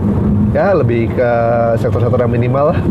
Nggak terlalu banyak kerjaannya tapi cukup impactful Hmm. gitu. Ini udah berapa persen dari goalsnya? Sekarang kayaknya masih sekitar 60-70 kali ya. Serius lu? Eh masih jauh, masih jauh. begitu. Masih jauh. Kurang, kurang apa lagi yang masih belum memenuhi ke ini? kayaknya lebih ke kurang OCD sih kayaknya. Iya soalnya pengennya keluar kayak baru keluar pabrik kan. Bener. Berarti baut-baut lu ganti tuh? Baut-baut ada beberapa yang udah gue ganti juga. Gitu. Baut Dan gue senengnya tuh eh, di BMW tuh mereka tetap eh, ngembangin parts-parts yang klasiknya juga. Jadi Hmm. dulu sempat namanya BMW Mobile Tradition, lalu sekarang eh, switch ke BMW Classic. Gitu sih. Jadi makanya untuk semua owner eh, mobil-mobil BMW Classic, eh, mereka bisa datang ke dealer kita yang mana pun, asking for parts itu masih available. Kalau buat karga itu sustainability ya. Oh, yoi, Sustainability make mobil sebenarnya. Iya, saya nggak, gue nggak beli mobil baru loh soalnya kan. gue Iya, bener-bener. meri- me-preserve yang udah ada. Iya, Nah yang gue bingung nih kan secara gue juga pakai BMW juga baru di E28 ini. Kenapa sih ada orang istilahnya kalau masuk mobil BMW tua atau BMW yang Mana aja mobil BMW deh Aha. ini baunya BMW banget nih sebenarnya ada apanya sih lu taruh apa di Dulu- dalam mobil BMW itu Hmm. sehingga ada signature Khasnya. fragrance gitu Iya, iya, iya, nih iya. baunya Jadi emang emang eh, itu jadi suatu ciri khas juga sih. I don't know itu sebenarnya awalnya tuh dari material mana yang bikin jadi ini wangi khas BMW. hmm. Itu gue sampai sekarang masih belum tahu. Sampai dulu tuh ada lirik-lirikan di majalah gue lupa BMW Car atau Total BMW atau Beamer itu eh, ada yang bilang sebenarnya bau mobil BMW itu kayak bau damn dog anjing yang baru mandi Oh, oke. tapi somehow jadi kayak signature gitu kan Iya. tapi I don't know, mungkin gue juga karena gue departemen gue marketing juga, I think it's a good way juga to market our cars karena kita mempunyai sesuatu yang ciri khas juga ketika kita masuk ke dalam gitu kan. Kita langsung bisa notice kayak, oh this is a BMW. Iya, kalau ditutup matanya aja orang disuruh masuk, suruh ah. pilih ini, oh ini ini BMW gitu. Benar, benar, benar. tapi belum kepecahkan apa yang Belum bacakan, tadi gue belum belum nemu sih. mungkin next trip gue, gue bakal nanya. iya, iya. Please do, please, please kasih tahu kita. Terus ada mitos, nggak Ah. mitos atau enggak? Maksudnya ini ada informasi yang gue dapat, Ah. gue ngecek ke lo. Katanya di, di jok bahan jok yang BMW yang lama itu, Aha. BMW pakai rambut kuda. Benar nggak sih? Uh, Materialnya ada yang pakai rambut kuda sehingga kayaknya baunya dari situ, bukan? that I don't know sih untuk gua uh, Pak sih. Gitu ya. Gue baca di salah satu website juga sih. Iya. Gue gua gua kurang kurang paham sih untuk cloth-nya tuh kita bahannya exactly pakai bahan apa gitu. Tapi rata-rata sih cloth yang kita pakai sih memang fabric aja sih. Cuma fabric Cuma aja. fabric aja. Kalau untuk leather, iya leather dulu kita ada yang namanya bison leather. Terus juga eh, napa itu dari sapi. Terus eh, yang lain-lainnya pun kayak macam Dakota segala macam itu sekarang mainly sih sapi sih. Gitu. Tapi at some point dulu sempat pakai eh, I don't know whether it's naming atau bener literally bison, gue nggak tahu deh. Leathernya tuh ya. Leathernya namanya waktu itu dia dulu bison leather. Oke, by the way ini lu udah pasang uh, tujuannya ke sana kan? Udah aman aman aman. Gue ngikutin, tinggal ngikutin. Belum pernah nih masalah ikut tujuan kita ini. Cuma menyenangkan sih so far perjalanan ini. Iya, cuman kurang satu bar. Cuma kurang satu bar. Jadi cukup aman perjalanan dari BSD dari ujung tadi dari Serpong. Sekarang kita udah mau exit Ciawi. Iya. Itu kurang lebih 60 kilo kayaknya udah ya. Ya, sekitar 60 kilo kan. Sisa 207 km. Bisa dua kali Iya. bolak-balik, bolak-balik. Bisa ke BSD balik lagi Ciawi ada. Udah, udah, udah. Tapi lo sempet nggak sih pas pertama kali secara kan lo tipikal uh, klasik BMW guy ini. Ya, ya, ya. Begitu ada inovasi elektrik ini ada uh, kegundahan atau ada ini nggak sih dari seorang petrol guy kayak macam ini? Gue tuh biasa waktu itu sempet skeptik untuk uh, pas disuruh megang uh, project BMW i ini sih. Hmm. Walaupun emang yang bawa waktu pertama kali i8 ya. Oke. gue mikir kayak mobil listrik, really gitu. Hmm. Masa ya mobil listrik bisa ngegantiin sih gitu kan dan dan pada saat itu emang gue belum pernah nyobain, gue belum pernah uh, megang mobil listrik apa pun lah dari uh, line up BMW. Tapi begitu terus gue nyoba, gue coba pahamin secara brand overall maksud dan tujuannya tuh apa sih? It grows on me. Oh. Dan even sekarang gue pun juga um, for any customer ya apalagi at the price range of i3. Saya misalnya ada customer gue di pameran, uh, lagi lagi ngobrol-ngobrol dia tertarik untuk beli 5 series 530 IM Sport ataupun even kayak uh, kelas X5. Ya. Kalau dipikirkan di range harga itu mereka bisa beli i3 gitu kan. Hmm. Gue selalu force mereka, why not lo coba dulu? Gitu Coba Indri. cobain i3 dulu deh. Walaupun emang uh, masalah beli apa enggak itu urusan belakangan lah. Tapi paling nggak gue tuh mau coba nyampein message ke orang-orang, ke temen gua, keluarga gua, siapa pun itu. Ini loh, future tuh seperti ini. Hmm. Kita harus cobain dulu gitu. Mobil ini bukan mobil yang sekedar kayak gua lihat-lihat lihat, oh oke, uh, stylenya pas nih sama gua, udah deh gue beli gitu. Tapi kita harus cobain dulu gitu. Kita cobain gimana caranya nyetir mobil ini apa sih bedanya feelnya tuh seperti apa. Karena buat gua walaupun gua uh, ya you, you know lah mobil gua seberisik apa. Tapi begitu masuk i3 begitu masuk i8 itu it's really a different feeling. Dan otomatis behavior berkendara pun juga ikut berubah juga gitu. Menyesuaikan lah. Itu sih. Uniknya brand ini tuh gitu. Jadi ternyata setelah lo cobain dari sisi sebenarnya torsinya dan lain sebagainya Iya. sebenarnya sebenarnya lebih fun sih torsinya instan banget Nah kalau kita ngomongin tentang elektrik nih, Ah. gue juga tahu bahwa BMW cukup serius menggarap ini sampai akhirnya ya kalian memutuskan untuk join Formula E. yes Tahun lalu kan, tahun lalu ya kalian Iya, majuin punya- as a sponsor aja ya. ya jadi mulai gue lupa deh Formula E itu tahun berapa ya I think three or four years ago. And then akhirnya uh, tahun lalu kita resmi punya tim sendiri. Ya, kita bikin mobilnya sendiri BMW iFE 18 eh sorry uh, 19 Uh, itu akhirnya kita punya tim sendiri. Gitu. Yang tadinya kita cuman sponsorship akhirnya sekarang kita serius garap oke. untuk Formula E ini. Termasuk join di Formula E yang tahun depan ada di Jakarta. ya harus dong Nah, looking forward Ditunggu-tunggu sama apa namanya? Semua orang ya. Antusias otomotif di Indonesia Iya. pastinya.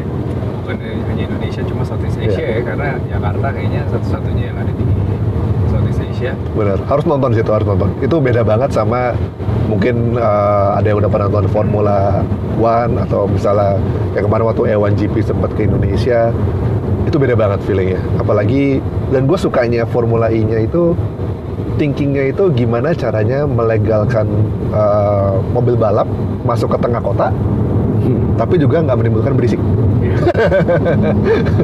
itu menurut gue antik banget versi formulanya pun nggak ada suara bising kayak Gak ada, F1. gak ada. Itu cuma suara nging gitu aja udah.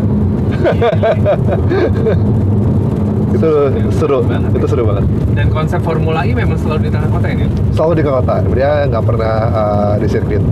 Karena dia mau bawa balapan sedekat mungkin ke kota. Karena Gitu. itu tadi tidak menghasilkan apa namanya emisi gas buang dan juga Betul. ada eh, Iya, polusi suara. Polusi suara Iya. ya. Ibaratnya udah salah dari segala macam semuanya itu. Benar.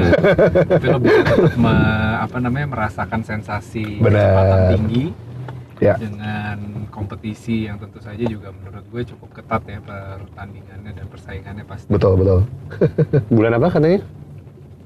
Uh, so far sih masih di bulan Juni. Oke. I think setelah Lebaran ya. Uh, kita di Jakarta bakal ada Formula E itu. Terus akan ada apa aja rencananya? Ada yang udah bisa di share belum dari BMW?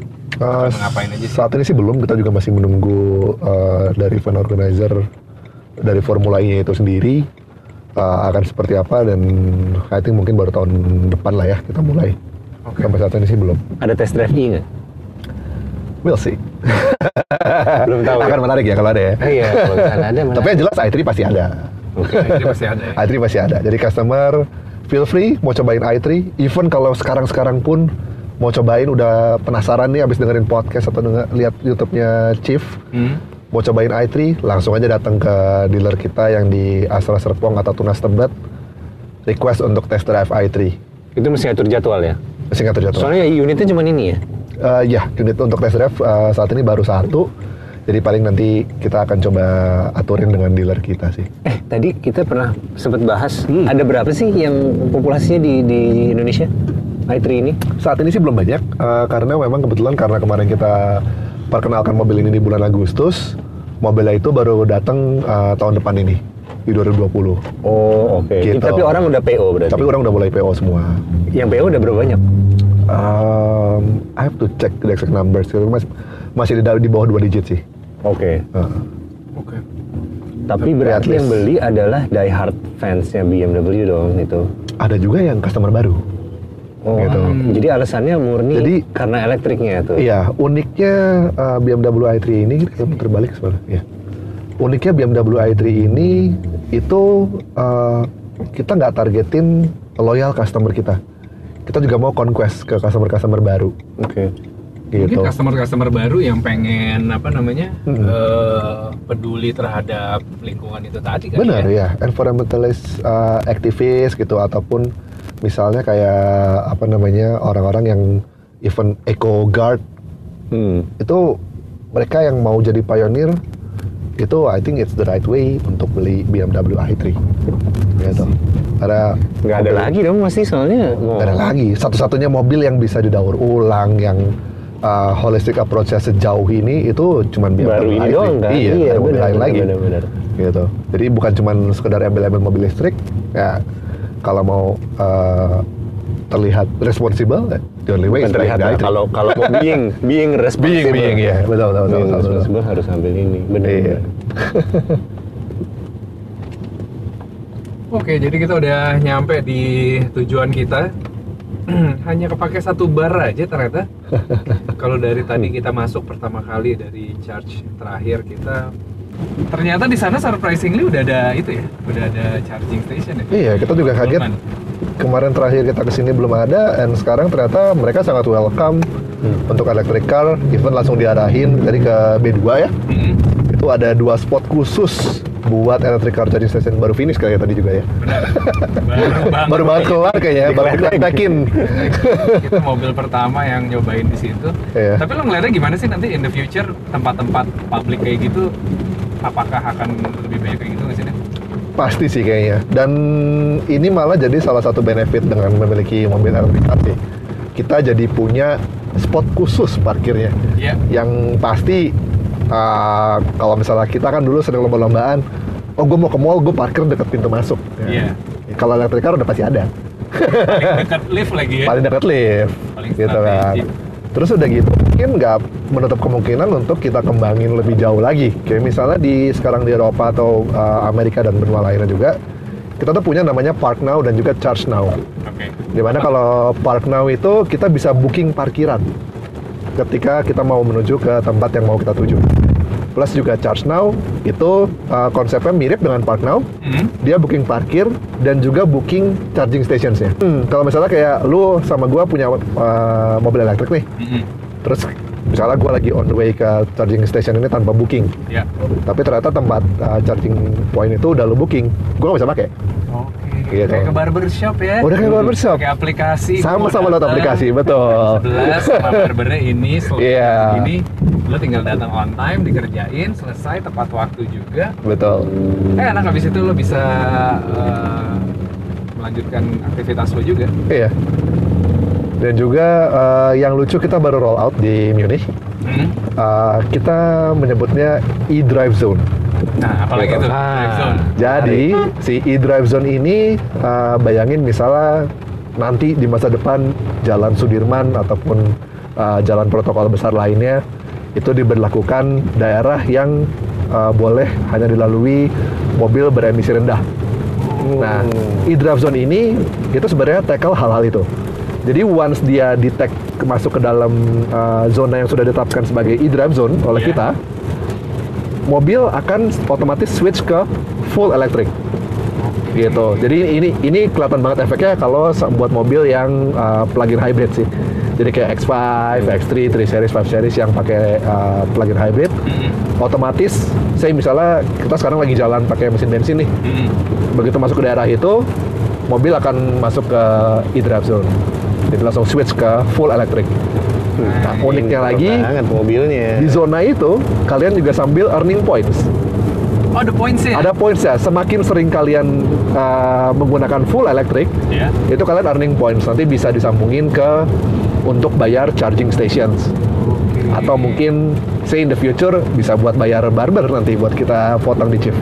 Rewardnya, Itu rewardnya. bisa banget rewardnya. Benar-benar future tuh. Iya. Future. Dan itu gimana pun juga uh, jadi mendorong customer untuk semakin sering untuk drive full electric. Gitu. Oke. Seseru itu sebenarnya ngecit elektrik itu. Dan apa namanya itu semua langsung dibaca sama si mobilnya untuk dia Langsung. adjust dan adapt ya. Ya, nah, jadi kita nggak perlu repot-repot. Oh, udah masuk mau jalan uh, masuk yang emisi rendah nih, Hmm. kita masih switch ke full electric, mobil udah langsung otomatis baca. Nah sekarang kita lagi berkendara di situasi yang hujan Hmm. masih tadi pas nyampe di Vimala Hills juga hujan tapi sekarang kok balik juga hujan Sebagai gambaran nih hujannya hujan deras ya. Hujan deras sih, Hmm. lumayan sih. Dan tadi kita turun nggak kesetrum ya? dan plan tahun depan gimana tadi lo sempet sempet sharing jadi kan Hmm. ada 24 lini di tahun 2024 2024 ya. jadi 2020 sendiri gimana planning 2020 sendiri sih kita tetap continue untuk i3 sama i8 Hmm. and we'll see we have some surprises Ya. untuk yang lain-lainnya.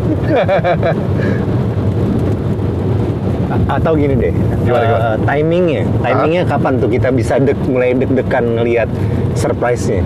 Timing sih yang Yang jelas, mesti kita aware banget yang udah pasti, yang udah pasti expected ya, Hmm. motor show dan auto show, Oke, gitu aja sih. jadi kita akan lihat kejutan di IMS sama Gias berarti ya? Iya. Oke.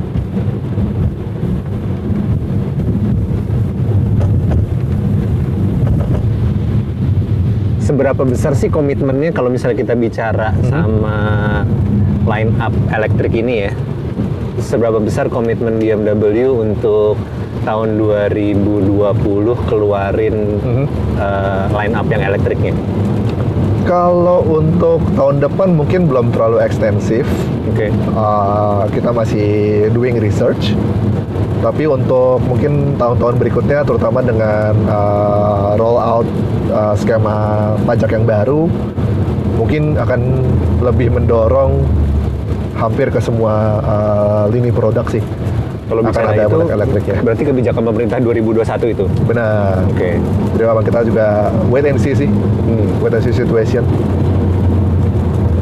Kalau kita ngomongin antusiasme orang kan terhadap mobil elektrik Ya. eh, mungkin pelan-pelan akan bertumbuh nih cuma buat Betul. para modifikator nih sebenarnya mereka bisa melakukan apa sih dengan mobil elektrik kalau Hmm. misalkan mobil Mhm. eh, fuel kan kita udah tahu mereka bisa melakukan up, buat segala up macam ya. sebagainya nah kalau misalkan mobil elektrik sepengetahuan lo mereka bisa Um, kalau itu yang gua tahu sih masih agak konservatif ya. Lebih ke segi uh, aerodinamisnya aja sih. Jadi kayak body kit, velg segala macam. Tapi kalau untuk lebih ekstensif ke yang lebih teknikal, uh, I'm not really sure. Oke. Apakah bisa say di upgrade atau gimana itu belum tahu. Berarti sudah ada atau akan ada body kit nih buat i3? So far sih udah ada beberapa tuner yang uh, available body kit untuk i3. At least tambahan-tambahan bits aerodynamics itu udah ada. Gitu. Velg? Velg I think so ada juga sih. Oke. Ada juga. Karena kan Kayak velg ini dua, udah 20 ya? udah 20. Tapi unik nih, 20-nya lebarnya dia eh, mungkin lebar-lebar velg konvensional velg kecil 7,5 atau 7. Oke. Berarti lebarnya ini 215 nih? Iya. Oke. Jadi emang bener-bener eh, velgnya walaupun besar tapi ramping. Oke. Nah untuk seri i3 sendiri kan ada beberapa nih yang kita Ah. pakai adalah i3s. Yes. Sebenarnya ada apa lagi sih i3 yang masuk ke Indonesia? Jadi sebenarnya ada i3 yang biasa juga, Uh, tapi kita nggak kebetulan nggak masuk di Indonesia. Yang masuk di Indonesia itu versi yang paling sportinya yaitu i3S 120 ampere hour ini. Bedanya apa sama i3 biasa? Kalau i3S ini horsepower-nya lebih besar uh, 14. Jadi dari standar 170 horsepower, ini uh, total jadi 184 horsepower. Gitu. Oke. 0 sampai 100 pun juga lebih cepat. Gitu. Terus udah gitu option eh, body kit dan velgnya? Ya, untuk body kita pun juga sedikit berbeda, tampilannya lebih sporty. Kalau yang i3 dia lebih tone down modelnya. Mhm. Juga untuk velg eh, untuk i3S hanya menggunakan velg ukuran 20 inci. Kalau yang eh, i3 dia masih ada optional eh, 19 incinya. Yang unik juga yang bisa paling kelihatan itu ada wheel arch-nya kalau si i3S ini. Jadi emang dari track width-nya pun juga jauh lebih lebar dibanding i3 yang biasa. Gak usah diapa-apain lah ya, udah bagus banget. Nih. banget. Hmm. Ya, anyway, it's a mega city vehicle, so Iya. at least we can go around here and there in a good And- way And look good. and look good, Hmm, Look cool. look good and feel good. Good, good, good. Jadi bisa dibilang i3 ini adalah generasi pertama mobil elektrik ya BMW ya? Atau Bisa dibilang kayak gitu. Iya. ya, yang benar-benar dipasarin ya. Heeh. Oke. Karena oh iya sama satu lagi Hmm. ternyata teknik ngegasnya juga beda tuh. Iya, Gimana mobil tuh? ini one pedal, istilahnya one pedal feeling. Nah, Jadi yang pertama mobil ini single speed transmission, yang kedua one pedal feeling. Kalau kita ingat zaman kita kecil dulu suka main bom bom car. Nah ini persis kayak i3 ini. Jadi bener-bener uh, kita injek itu mobil melaju, begitu kita angkat, mobil juga akan ngerem. Tanpa menggunakan uh, Tanpa menggunakan pedal rem juga. Iya. Jadi maksudnya dia memang mengurangi kecepatan dari Hmm. motornya ya. Uh, dari motornya iya, dan juga memang kalau uh, ngeremnya cukup signifikan, Mm. rem juga akan ngebantu. So that's why makanya mungkin kalau say misalnya kita di belakang mobil kita sekarang nih ya, Mm. kalau misalnya kita angkat pedal, kalau emang uh, pengeremannya cukup signifikan, lem lampu rem juga akan nyala. Gitu. Dia actually ngerem berarti. Actually ngerem, beneran ngerem. Automatically. Iya. Even kalau sekarang lagi jalan 70 nih, kita lepas gas, dia akan gradually stop sampai nol.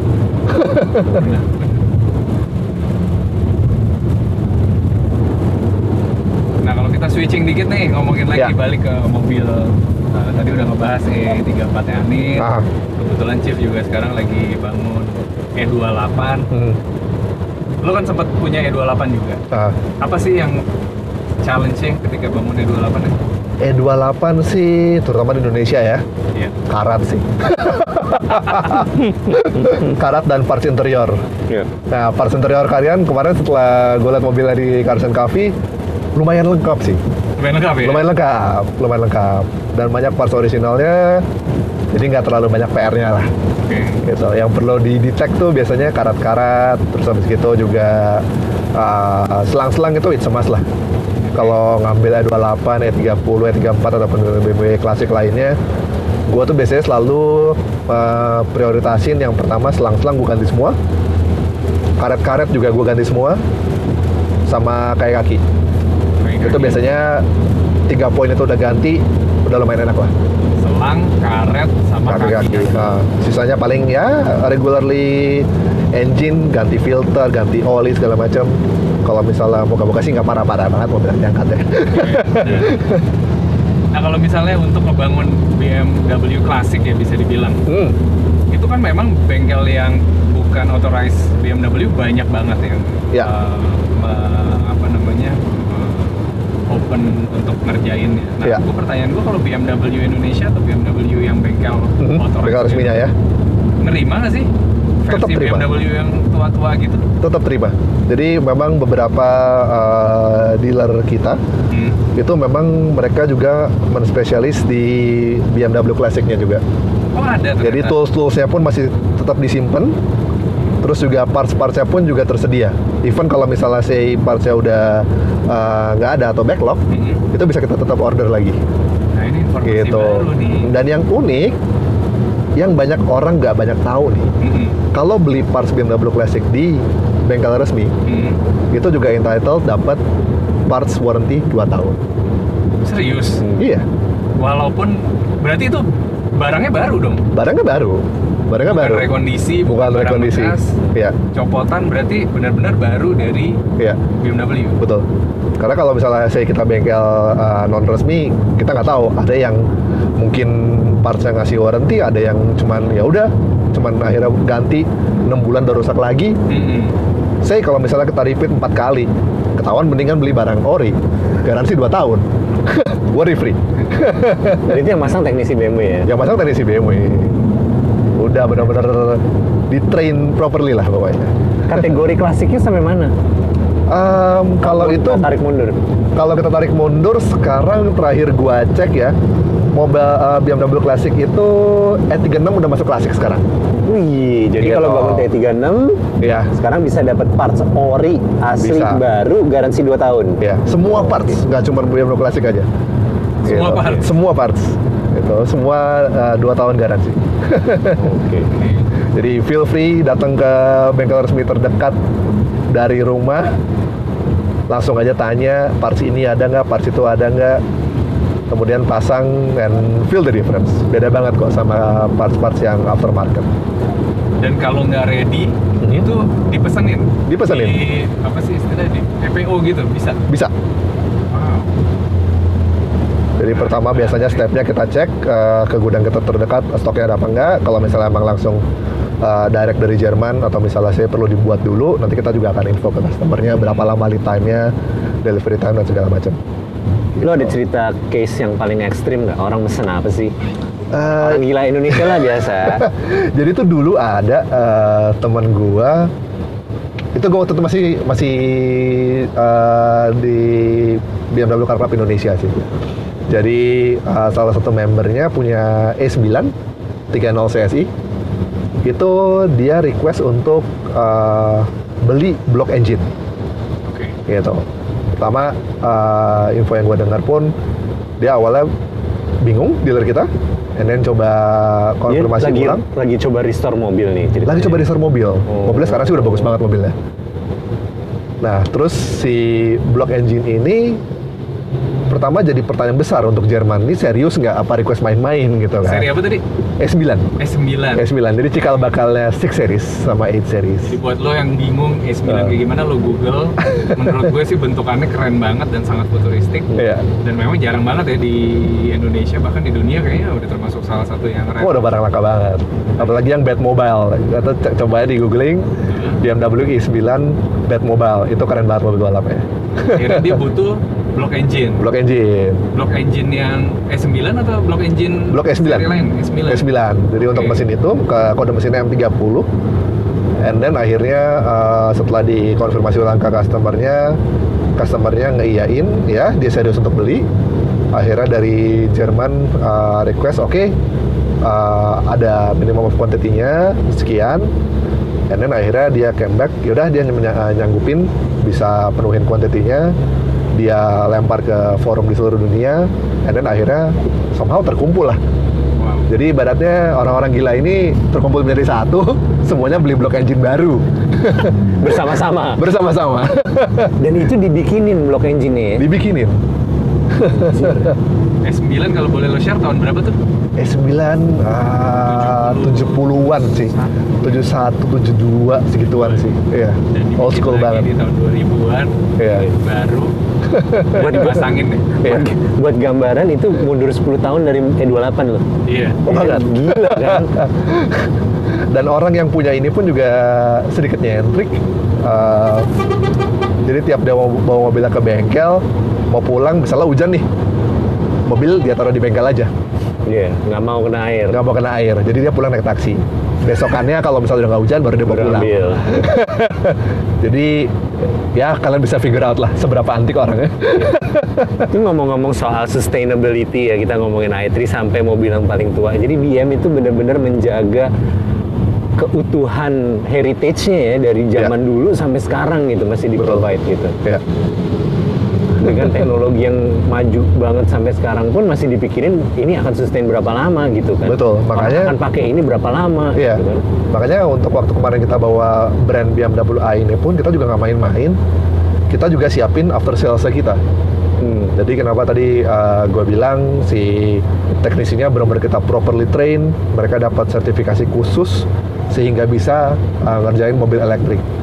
Nah hal ini yang membedakan kalau misalnya uh, kalian membeli mobil elektrik di luar ATPM, uh, Luar ATPM, yang nggak iya, resmi, gitu. Kita benar-benar mikirin semuanya harus siap, baru bisa siap jual. Secara infrastruktur ya. Secara infrastruktur. Bayangin kalau misalnya tiba-tiba eh ini kapan servisnya ya gitu Iya. kan pertanyaannya kan gitu kan Terus servisnya ke mana gitu? Siapa yang bisa servis? Nah Hmm. itu lagi kalau siapa kita nggak tahu siapa yang servis. Iya, iya, iya. Berarti walaupun jarak pandang terbatas, tapi juga mobilnya ngebantu. Terus ada satu lagi fitur di i- i3 ini Mhm. adalah eh, apa tadi pedestrian apa istilahnya? Oh pedestrian warning. Iya. Ya. betul. Jadi si pedestrian akustik pedestrian warning ini dia adalah sound generator yang kita tambahkan untuk suara keluar. Jadi uh, yang kita tahu kan mobil listrik ini nggak ada suaranya nih Mhm. sebenarnya. Tapi kita create suara supaya orang aware, terutama untuk Create pejalan suara. kaki. Iya, Padahal udah sebegitu apa namanya silentnya, betul. tapi ternyata harus eh, ada regulasi yang membutuhkan Hmm. eh, mobil listrik ini supaya terdengar lebih ini supaya untuk awareness orang pejalan kaki ya. Iya. Jadi memang ada beberapa negara yang mengharuskan uh, mobil elektrik, terutama yang full elektrik seperti i3 ini, itu harus pakai uh, equipment semacam itu. Gitu. Dan yang unik lagi ngomong-ngomong soal suara mobil elektrik, kita juga baru aja kerjasama sama Hans Zimmer. Apa tuh? Hans Zimmer uh, salah satu komposer musik uh, ternama. Oh iya. Jadi Iya. dia yang ngisi scoringnya Batman, Aha. terus uh, what are the other movies ya? Lumayan banyak. Uh, kayaknya orang-orang yang penggila film sih tau lah Hans Zimmer itu siapa. Oke. Itu kita lagi kerja sama sama dia untuk create sound of electric itu seperti apa. Jadi seserius itu kita ngembangin suara mesin elektrik. Tujuannya adalah untuk dikeluarin suaranya ketika itu tadi. Iya, jadi untuk kayak untuk warning. untuk mulai uh, start stop, terus untuk kayak suara mobilnya ketika berjalan. Itu artificial sound berarti ya? Artificial sound. Jadi sound of the future kali ya, kalau bisa Iya, bilang ya. Bisa dibilang gitu. Tapi lu- keluarnya dari mana ada speaker di luar? Um, technically gue nggak tahu uh, tempat pastinya di mana, tapi I think somewhere near the bumpers and such. Jadi akan mengeluarkan suara. akan mengeluarkan suara gitu dan yang jelas uh, si speaker itu pun juga uh, terproteksi dengan baik jadi dari cipratan air segala macam juga aman I see. Gila.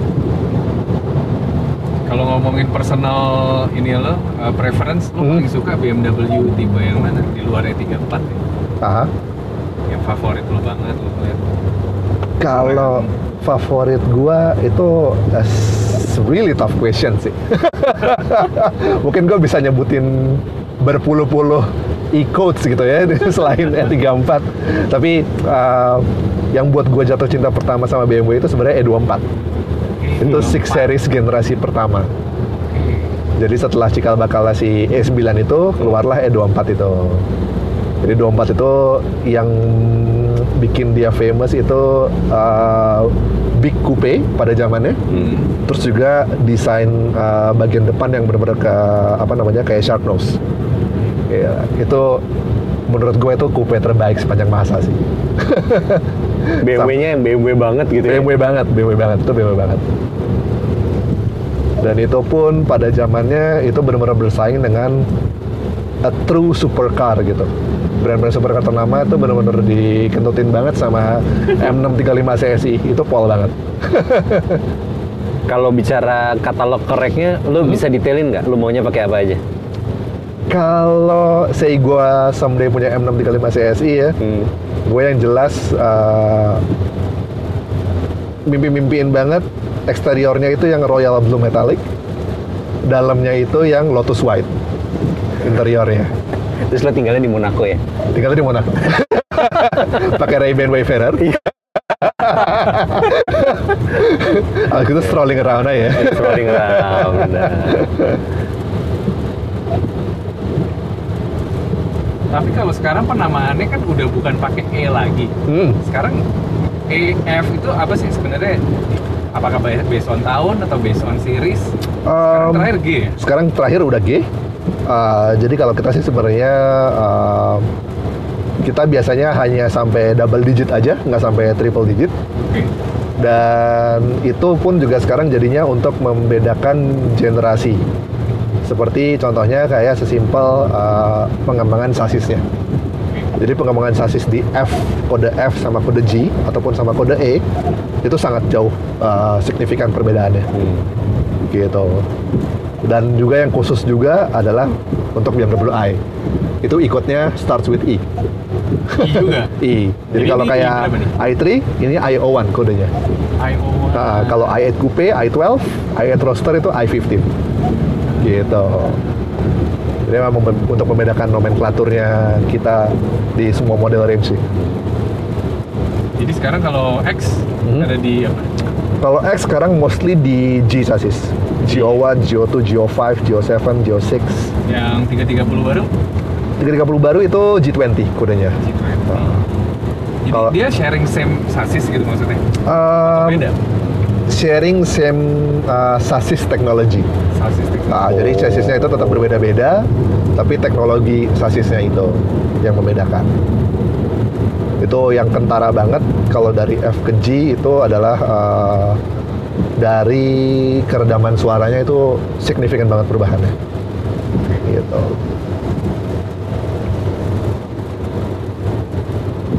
berarti yang the latest itu G ya? yang di latest G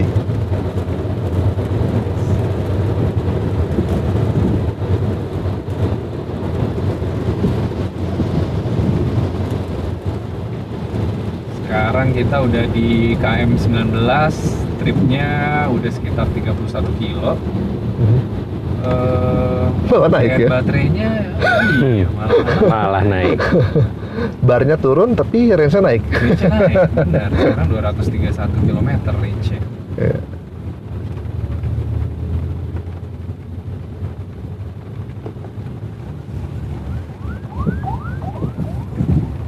Dan yang gue rasain juga dari, wah itu yang tadi di depan kita barusan. depan kita tadi itu ya Kenapa Iya, tuh? Barusan banget itu. Dia masuk itu ya, masuk bahu jalan kayaknya. Mikir, iya Barusan lewat. Heeh. harus ganti elektrik juga kayaknya Iya. Baru gue mau ngomongin. Jadi sebenarnya yang berasal dari seri i ini ke ke depannya juga Berasa banget. ya. Iya. Padahal ini kan sistem apa namanya power nggak ada apa namanya pilar ya nggak ada pilarnya segala macam nggak ada pilar kan. Hmm. Plus juga sebenarnya peredamannya pun juga jauh lebih minim. Hmm. Karena kan sebenarnya di BMW i itu kan it's all, it's all about lightweight. Iya. Kayak mobil ini tuh sebenarnya nggak nyampe satu setengah ton. Enteng Bener, banget mobil ini. serius. Iya. Jadi benar-benar enteng banget mobil ini.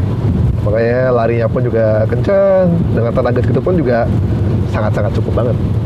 Jadi kalau misalkan lo bilang semua hampir 90% ini recyclable Hmm. uh, material, sasisnya pakai apa nih?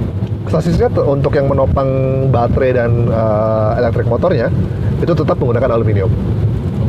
Gitu.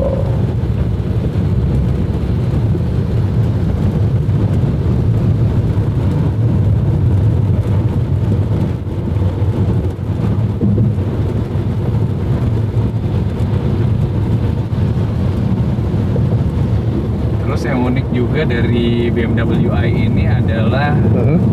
pintunya. Ya. Nah, kenapa akhirnya memutuskan atau eh, ya akhirnya bukan teknologi ya, sistemnya adalah suicide Suicide doors ya. doors.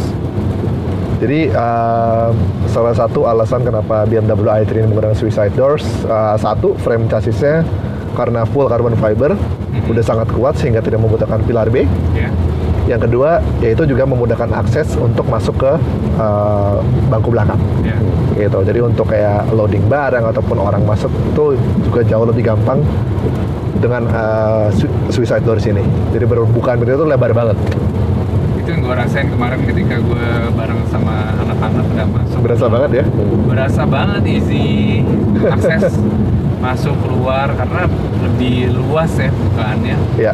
dan walaupun tampak kompak dari luar tapi ketika udah di dalam kemarin gue coba berempat Ah. bahkan berlima mana gue paling kecil tuh masih Space enak ya. gitu masih ya nggak spesies sih cuma nyaman lah Nyaman ya. Duduk di belakang Oke.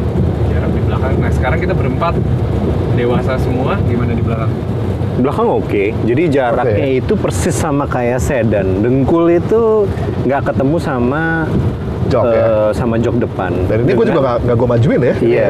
Ini posisi duduk gue. Dengan pertimbangan Anin itu tingginya berapa nih? 182. Nah, jadi dia udah nyaman duduknya dan gue sekitar 169, 170 dan gue juga nyaman duduknya. Mungkin kalau gue bisa komen sedikit mengenai suicide door ini, orang akan ada yang bilang kenapa orang di belakang nggak bisa keluar langsung gitu kan? Hmm.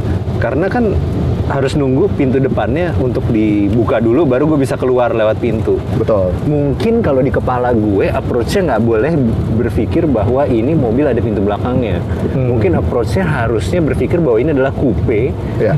yang dikasih kelebihan, dikasih apa? Dikasih privilege, ada bagian yang bisa dibuka gitu. Oke. Karena kalau gue bandingin sama kayak mobil pintu dua yang ada gitu Uh-huh. yang yang gue punya mungkin untuk naik turunin penumpang itu kalau coupe top itu susah banget sebenarnya. Jadi ini sebenarnya ya. adalah tambahan privilege untuk lo sebenarnya akses keluar gitu kan. I see. Kalau misalnya cuma coupe doang lo harus majuin kursi yang jelas pintu Ya. harus dibuka lebar sekali baru lo bisa keluar gitu kan. ini lo nggak harus harus buka lebar sekali, lo punya akses langsung untuk keluar instantly. Memang Oke. akan ada yang komen kalau berpikir dengan dengan kepala empat pintu. Tapi Ya. kalau berpikir dengan Dua coupe, pintu ya. lo akan merasa bahwa ini adalah privilege gitu kan. I see. Yang jelas bawa orang tua, orang tua nggak komplain ya. Jangan, Masuk ribet. jangan, jangan, jangan ditaruh di belakang. Jangan taruh belakang ya? Jangan taruh belakang. Lo kalau misalnya naik coupe, orang tua itu harus taruh di depan kan. Iya, lo nggak boleh taruh benar. belakang gitu. Jadi pemikiran harus sama kayak bawa coupe ya. Iya, otak lo harus bawa ini coupe, cuman Siap. kebetulan belakangnya eh, suicide door aja gitu dikasih privilege, Jadinya comfort coupe kali ya. comfort Iya. coupe. Kalau lihat tampilan luar karena dia totally coupe menurut gue. Karena handle-nya cuma ada Cuma di depan doang, iya di depan doang dan tampilannya juga nggak ada pintu ke tiga dan keempat. Iya. Iya, iya, iya. Jadi menurut gue eh, ini sih coupe cuma pas dibuka ya ternyata Ternyata ada itu satu akses ke lagi. belakang. Mempermudah orang masuk. Sunroof juga ada ini ya di tengahnya ya. Iya. Ini kenapa Jadi- nih? Ceritain dong. Kenapa? Ini juga antik sih. Sebenarnya em, ini jadi salah satu USP juga. eh, walaupun ini sebenarnya lebih ke technical reason sih. Oke. Ini kan lebih ke penguatan eh, sasis, tapi Hmm. jadi hal yang unik.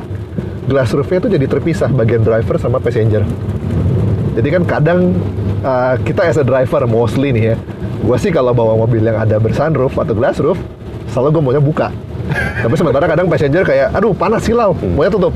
Nah di hati nggak perlu ribut. Bisa masing-masing ya. Bisa masing-masing. BMW individual. Jangan individual, literal individual ya. BMW individual. Masing-masing. Sama itu eh tuas persneling yang hilang ya. Tuas persneling betul. Nah, terus ini ada di kanan nih sekarang ya. Ada di kanan. Kanan atas. Ya. Kenapa tuh posisinya di situ tuh? Jadi eh, itu juga salah satunya sebenarnya lebih ke kayak psychology design sih. Hmm. Kalau kita taruh di kiri, karena tuas gear shiftnya ini eh, cukup besar, kita nggak bisa bentuknya sebesar kayak eh, tuas wiper atau tuas lampu sen. Kita harus membedakan nih, bentuknya harus lebih besar, Hmm.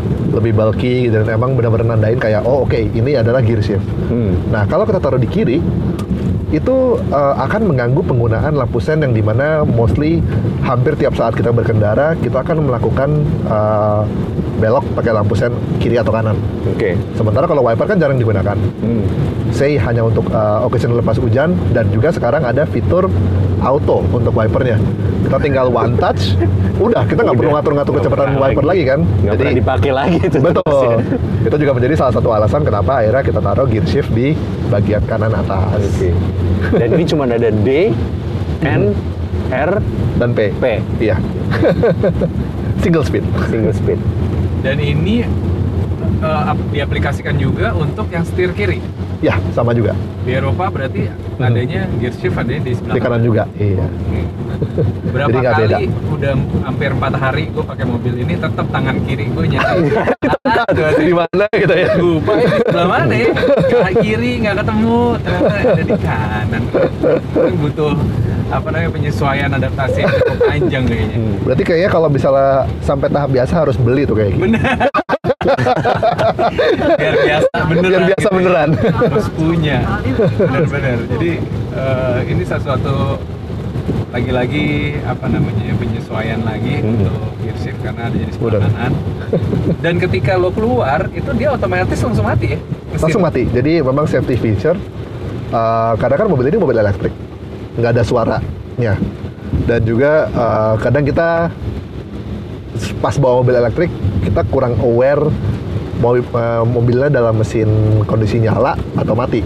Ya. Nah untuk safety begitu eh, ada pintu kebuka, walaupun dia kondisi pada di drive, dia otomatis akan ke netral Hmm. gitu. Mesin akan di cut off dan posisi standby aja. Gitu. Nah, ini pun juga nanti akan menjadi kebiasaan orang otomatis akan masukin di parking position dulu, handbrake diaktifin dulu, baru buka pintu. Gitu. Tapi just in case uh, step-step itu kelewatan, mobil ini akan preventif untuk safety features. Ken- Kenapa nggak semua mobil ini gitu ini? Matiin aja kalau misalnya buka pintu ya. Starter lagi nanti kalau misalnya udah. Tapi itu Bener-bener. bener pemikiran yang sangat advance ya. Iya. Regardless dari mobil ini adalah mobil elektrik yang nggak ada suaranya. Betul. Cuman itu berarti safety features-nya based on SOP Iya.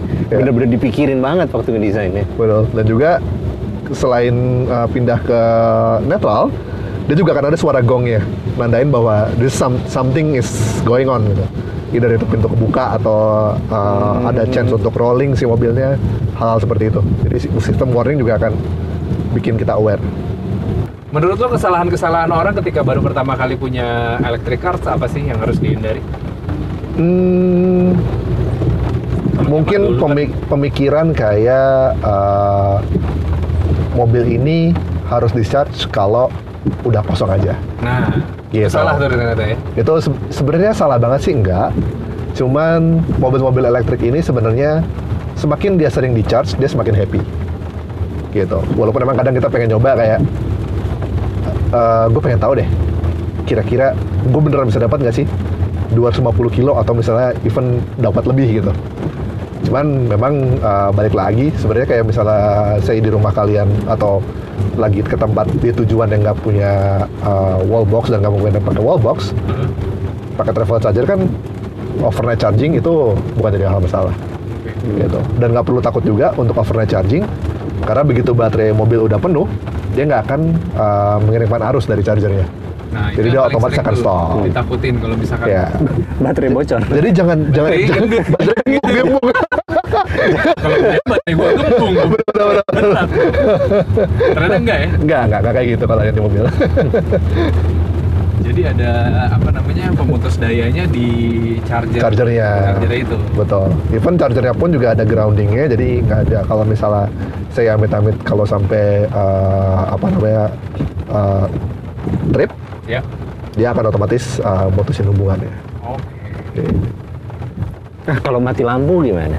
Nggak masalah sih kalau mati lampu biasanya nanti pas udah nyala lagi itu uh, indikator chargingnya akan berwarna merah kedip-kedip Ulang lagi jadi prosesnya. kita tinggal ngulang lagi aja Oh. unlock mobilnya cabut colok lagi aja nggak jadi masalah kalau misalnya emang dirasa oh ternyata daya yang dipakai terlalu besar nih Hmm. tinggal setting aja di mobil kita set misalnya tadi ternyata pakai yang maksimum kita coba set di medium atau low Oke. supaya lebih aman nggak ngecepetin lagi Nah kemarin gue pas lagi ngecharge terus gue mau cabut, Hmm. gue lumayan kaget tuh, loh kok nggak mau dicabut ya? Iya. Itu dia ada automatic locknya ya ternyata. ada locknya jadi memang eh, ini menjadi hal yang preventif kalau misalnya say in the future nih di Indonesia public charging station dari mana-mana Ya.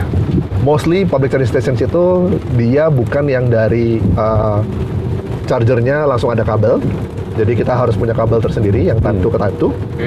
yang di mana kalau pembelian i3 ataupun i8 sudah termasuk kabel itu. Nah, kalau misalnya kita pakai di publik, kadang ya nggak tahu sih, ada aja orang iseng sih case-nya di luar untuk nyabut. Nah, Atau dia mau Dengan- nge-charge? atau yang mau charge ya, Hmm. mau gantian gitu ibaratnya kan. Ketika kalau uh, dirasa kita nggak bisa cabut, itu adalah safety feature karena kita harus unlock dulu mobilnya, baru kita bisa cabut kabelnya. Oke. Gitu. Jadi dia ngeloknya ada semacam kunci atau magnet sih? Semacam kunci aja sih dia. Oke. Karena kemarin gue coba tarik-tarik tuh. Iya. Kenapa ya? Kenapa? Mesti di unlock. Iya, di unlock dulu baru ambil. Lo akhirnya taunya gimana? Ya akhirnya gue mikir aja, oh mungkin mesti di unlock kali nih. Kayak BMW E28 kan gitu juga kalau mau buka tangkinya harus Dibuka dulu. buka dulu kan. betul betul betul. Oh ini mungkin kayak gini. Oh iya ternyata benar juga. Gue udah parno aja tuh, aduh nih mau jalan gimana? Nggak bisa jalan, terus gue bawa Sama kalau kabelnya ya. bawa di belakang.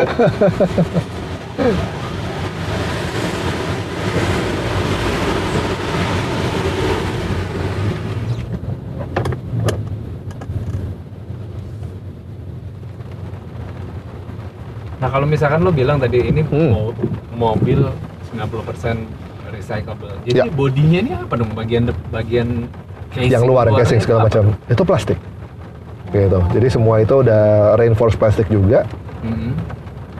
Jadi kayak mobil balap dong, kayak Ya. mobil. Makanya kenapa mobilnya enteng banget. Dan uniknya lagi, uh, plastik yang kita gunakan di mobil ini pun juga pengolahannya juga menggunakan dari ekstrak uh, olive oil atau minyak jarak. Even sampai kayak ke kunci mobilnya pun itu juga uh, menggunakan bahan itu. Bukan memang benar-benar dipikirin. bukan bukan yang nggak mungkin nanti in the future lo mau ganti casing kayak handphone bisa juga kali Bisa ya. mungkin sih. Gue mau ganti casing ah. Casingnya gue udah bosen nih yang warna merah, gue mau ganti casing warna kuning nih kayaknya. Udah, udah, udah, udah. Bisa dong harusnya ya. Bisa dong. Hah? harusnya nggak susah kan? Sama wireless charging mungkin. Bisa. nah, wireless charging itu juga uh, unik.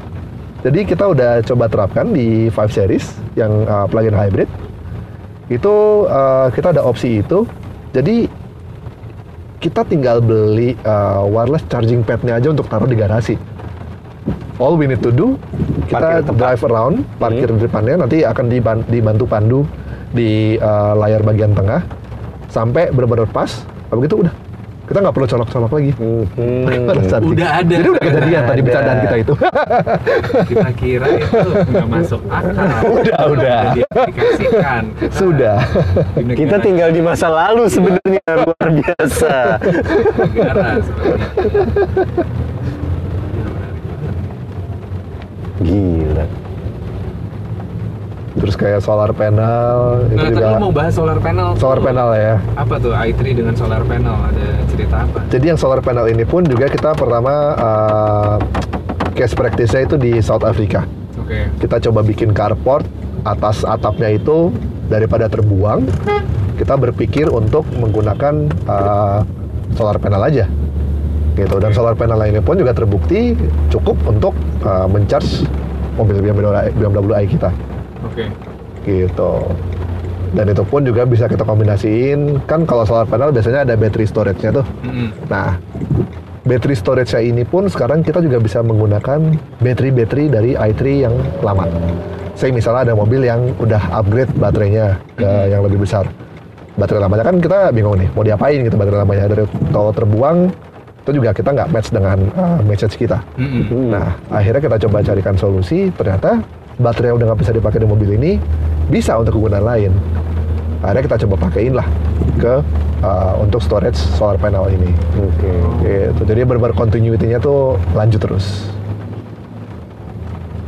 Dan kalaupun saya misalnya customer kita di sini ada yang mau kita combine uh, di rumahnya sekalian uh, mau dipasangin solar panel, kita bisa uh, kombinasikan itu juga. Jadi bener-bener ibaratnya mobil keluar dari pabrik sampai pemakaian itu bener-bener zero emission free. Iya benar. Itu dia sih yang paling penting ya. Jadi bukan hanya jargon aja, cuma Iya. benar-benar dilaksanakan dari sisi manufakturnya juga. betul betul.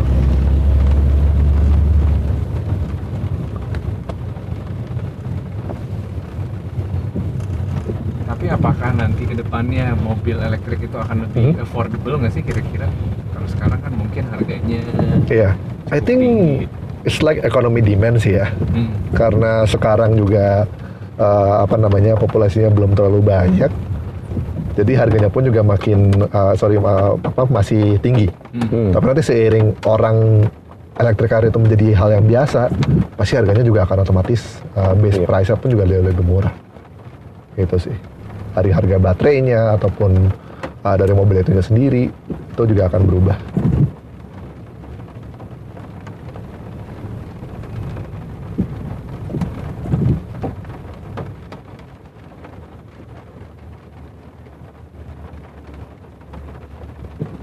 Oke, gimana mau closing? Boleh? masih Oke, apa? Sekarang kita udah terjebak macet. Jam pulang kantor, hujan hujan. Dan mobilnya kelihatannya nge-recharge terus ya. Terus aman banget aman. Nggak kerasa kita udah ngobrol berapa nih? Dua jam lebih nih kayaknya. Kalau digabung-gabungin sih sampai ya dua jam, hampir dua jam. Iya. Banyak banget yang kita bisa pelajarin dari hanya berjalan ke luar Jakarta sedikit ya. Mhm. Ya. Dan banyak banget eh, apa namanya fitur-fitur yang kita bisa tahu, yang bisa kita belajar hanya dengan membahas sebuah BMW i3 ini Mhm. yang sangat unik. Nah, Sip. jadi seperti udah kita janjiin tadi, eh, kita punya giveaway, tapi giveaway-nya kita akan kasih dalam bentuk pertanyaan dulu ya, quiz Ya. ya. Boleh dong. Oke. Kuisnya dengan lima pertanyaan. Yang pertama, apa saja fitur unik dari i3 yang tadi kita udah sebutin sepanjang podcast perjalanan kita tadi? Ya. Yang kedua, berapa sih sebenarnya jarak tempuh maksimum apabila mobil ini di charge maksimum berapa kilometer ya? Ya. Terus bagaimana sebenarnya proses charging BMW i3? Yang keempat, Pertanyaannya adalah maintenance parts BMW i3 itu apa aja sih sebenarnya yang fast moving ya, yang Iya, fast moving. uh, harus rutin diganti. Dan yang terakhir pertanyaannya adalah apa sih sebenarnya material sasis dari i3 ini? Nah, jadi jawab pertanyaan ini dan kita akan pilih lima pemenang ya. Iya. Lima pemenang dan berhak mendapatkan hadiah-hadiah seperti lanyard dan apa Notebook. tadi? Notebook. Notebook. Ya, notebooknya dari apa sih istilahnya? Lifestyle dari BMW i Lifestyle ya. di dari BMW i Lifestyle. Gokil banget. Semua informasinya bisa lo denger di podcast kita tadi dari Hmm. awal. Coba aja lo rewind lagi, Hmm. denger-dengerin secara detail. Ya, nggak ada yang rahasia, nggak ada yang ditutup-tutupin. Justru kita mau ceritain semuanya nih. Yes. Detail banget udah ya. Detail banget udah. Oke, jadi itu aja episode untuk kali ini. Thank you banget Anin. dari Thank you, Oki Fatsi. Thank you banget. Sampai ketemu di episode selanjutnya yang pastinya lebih seru. Dan jangan lupa grooming hari ini. Goodbye now.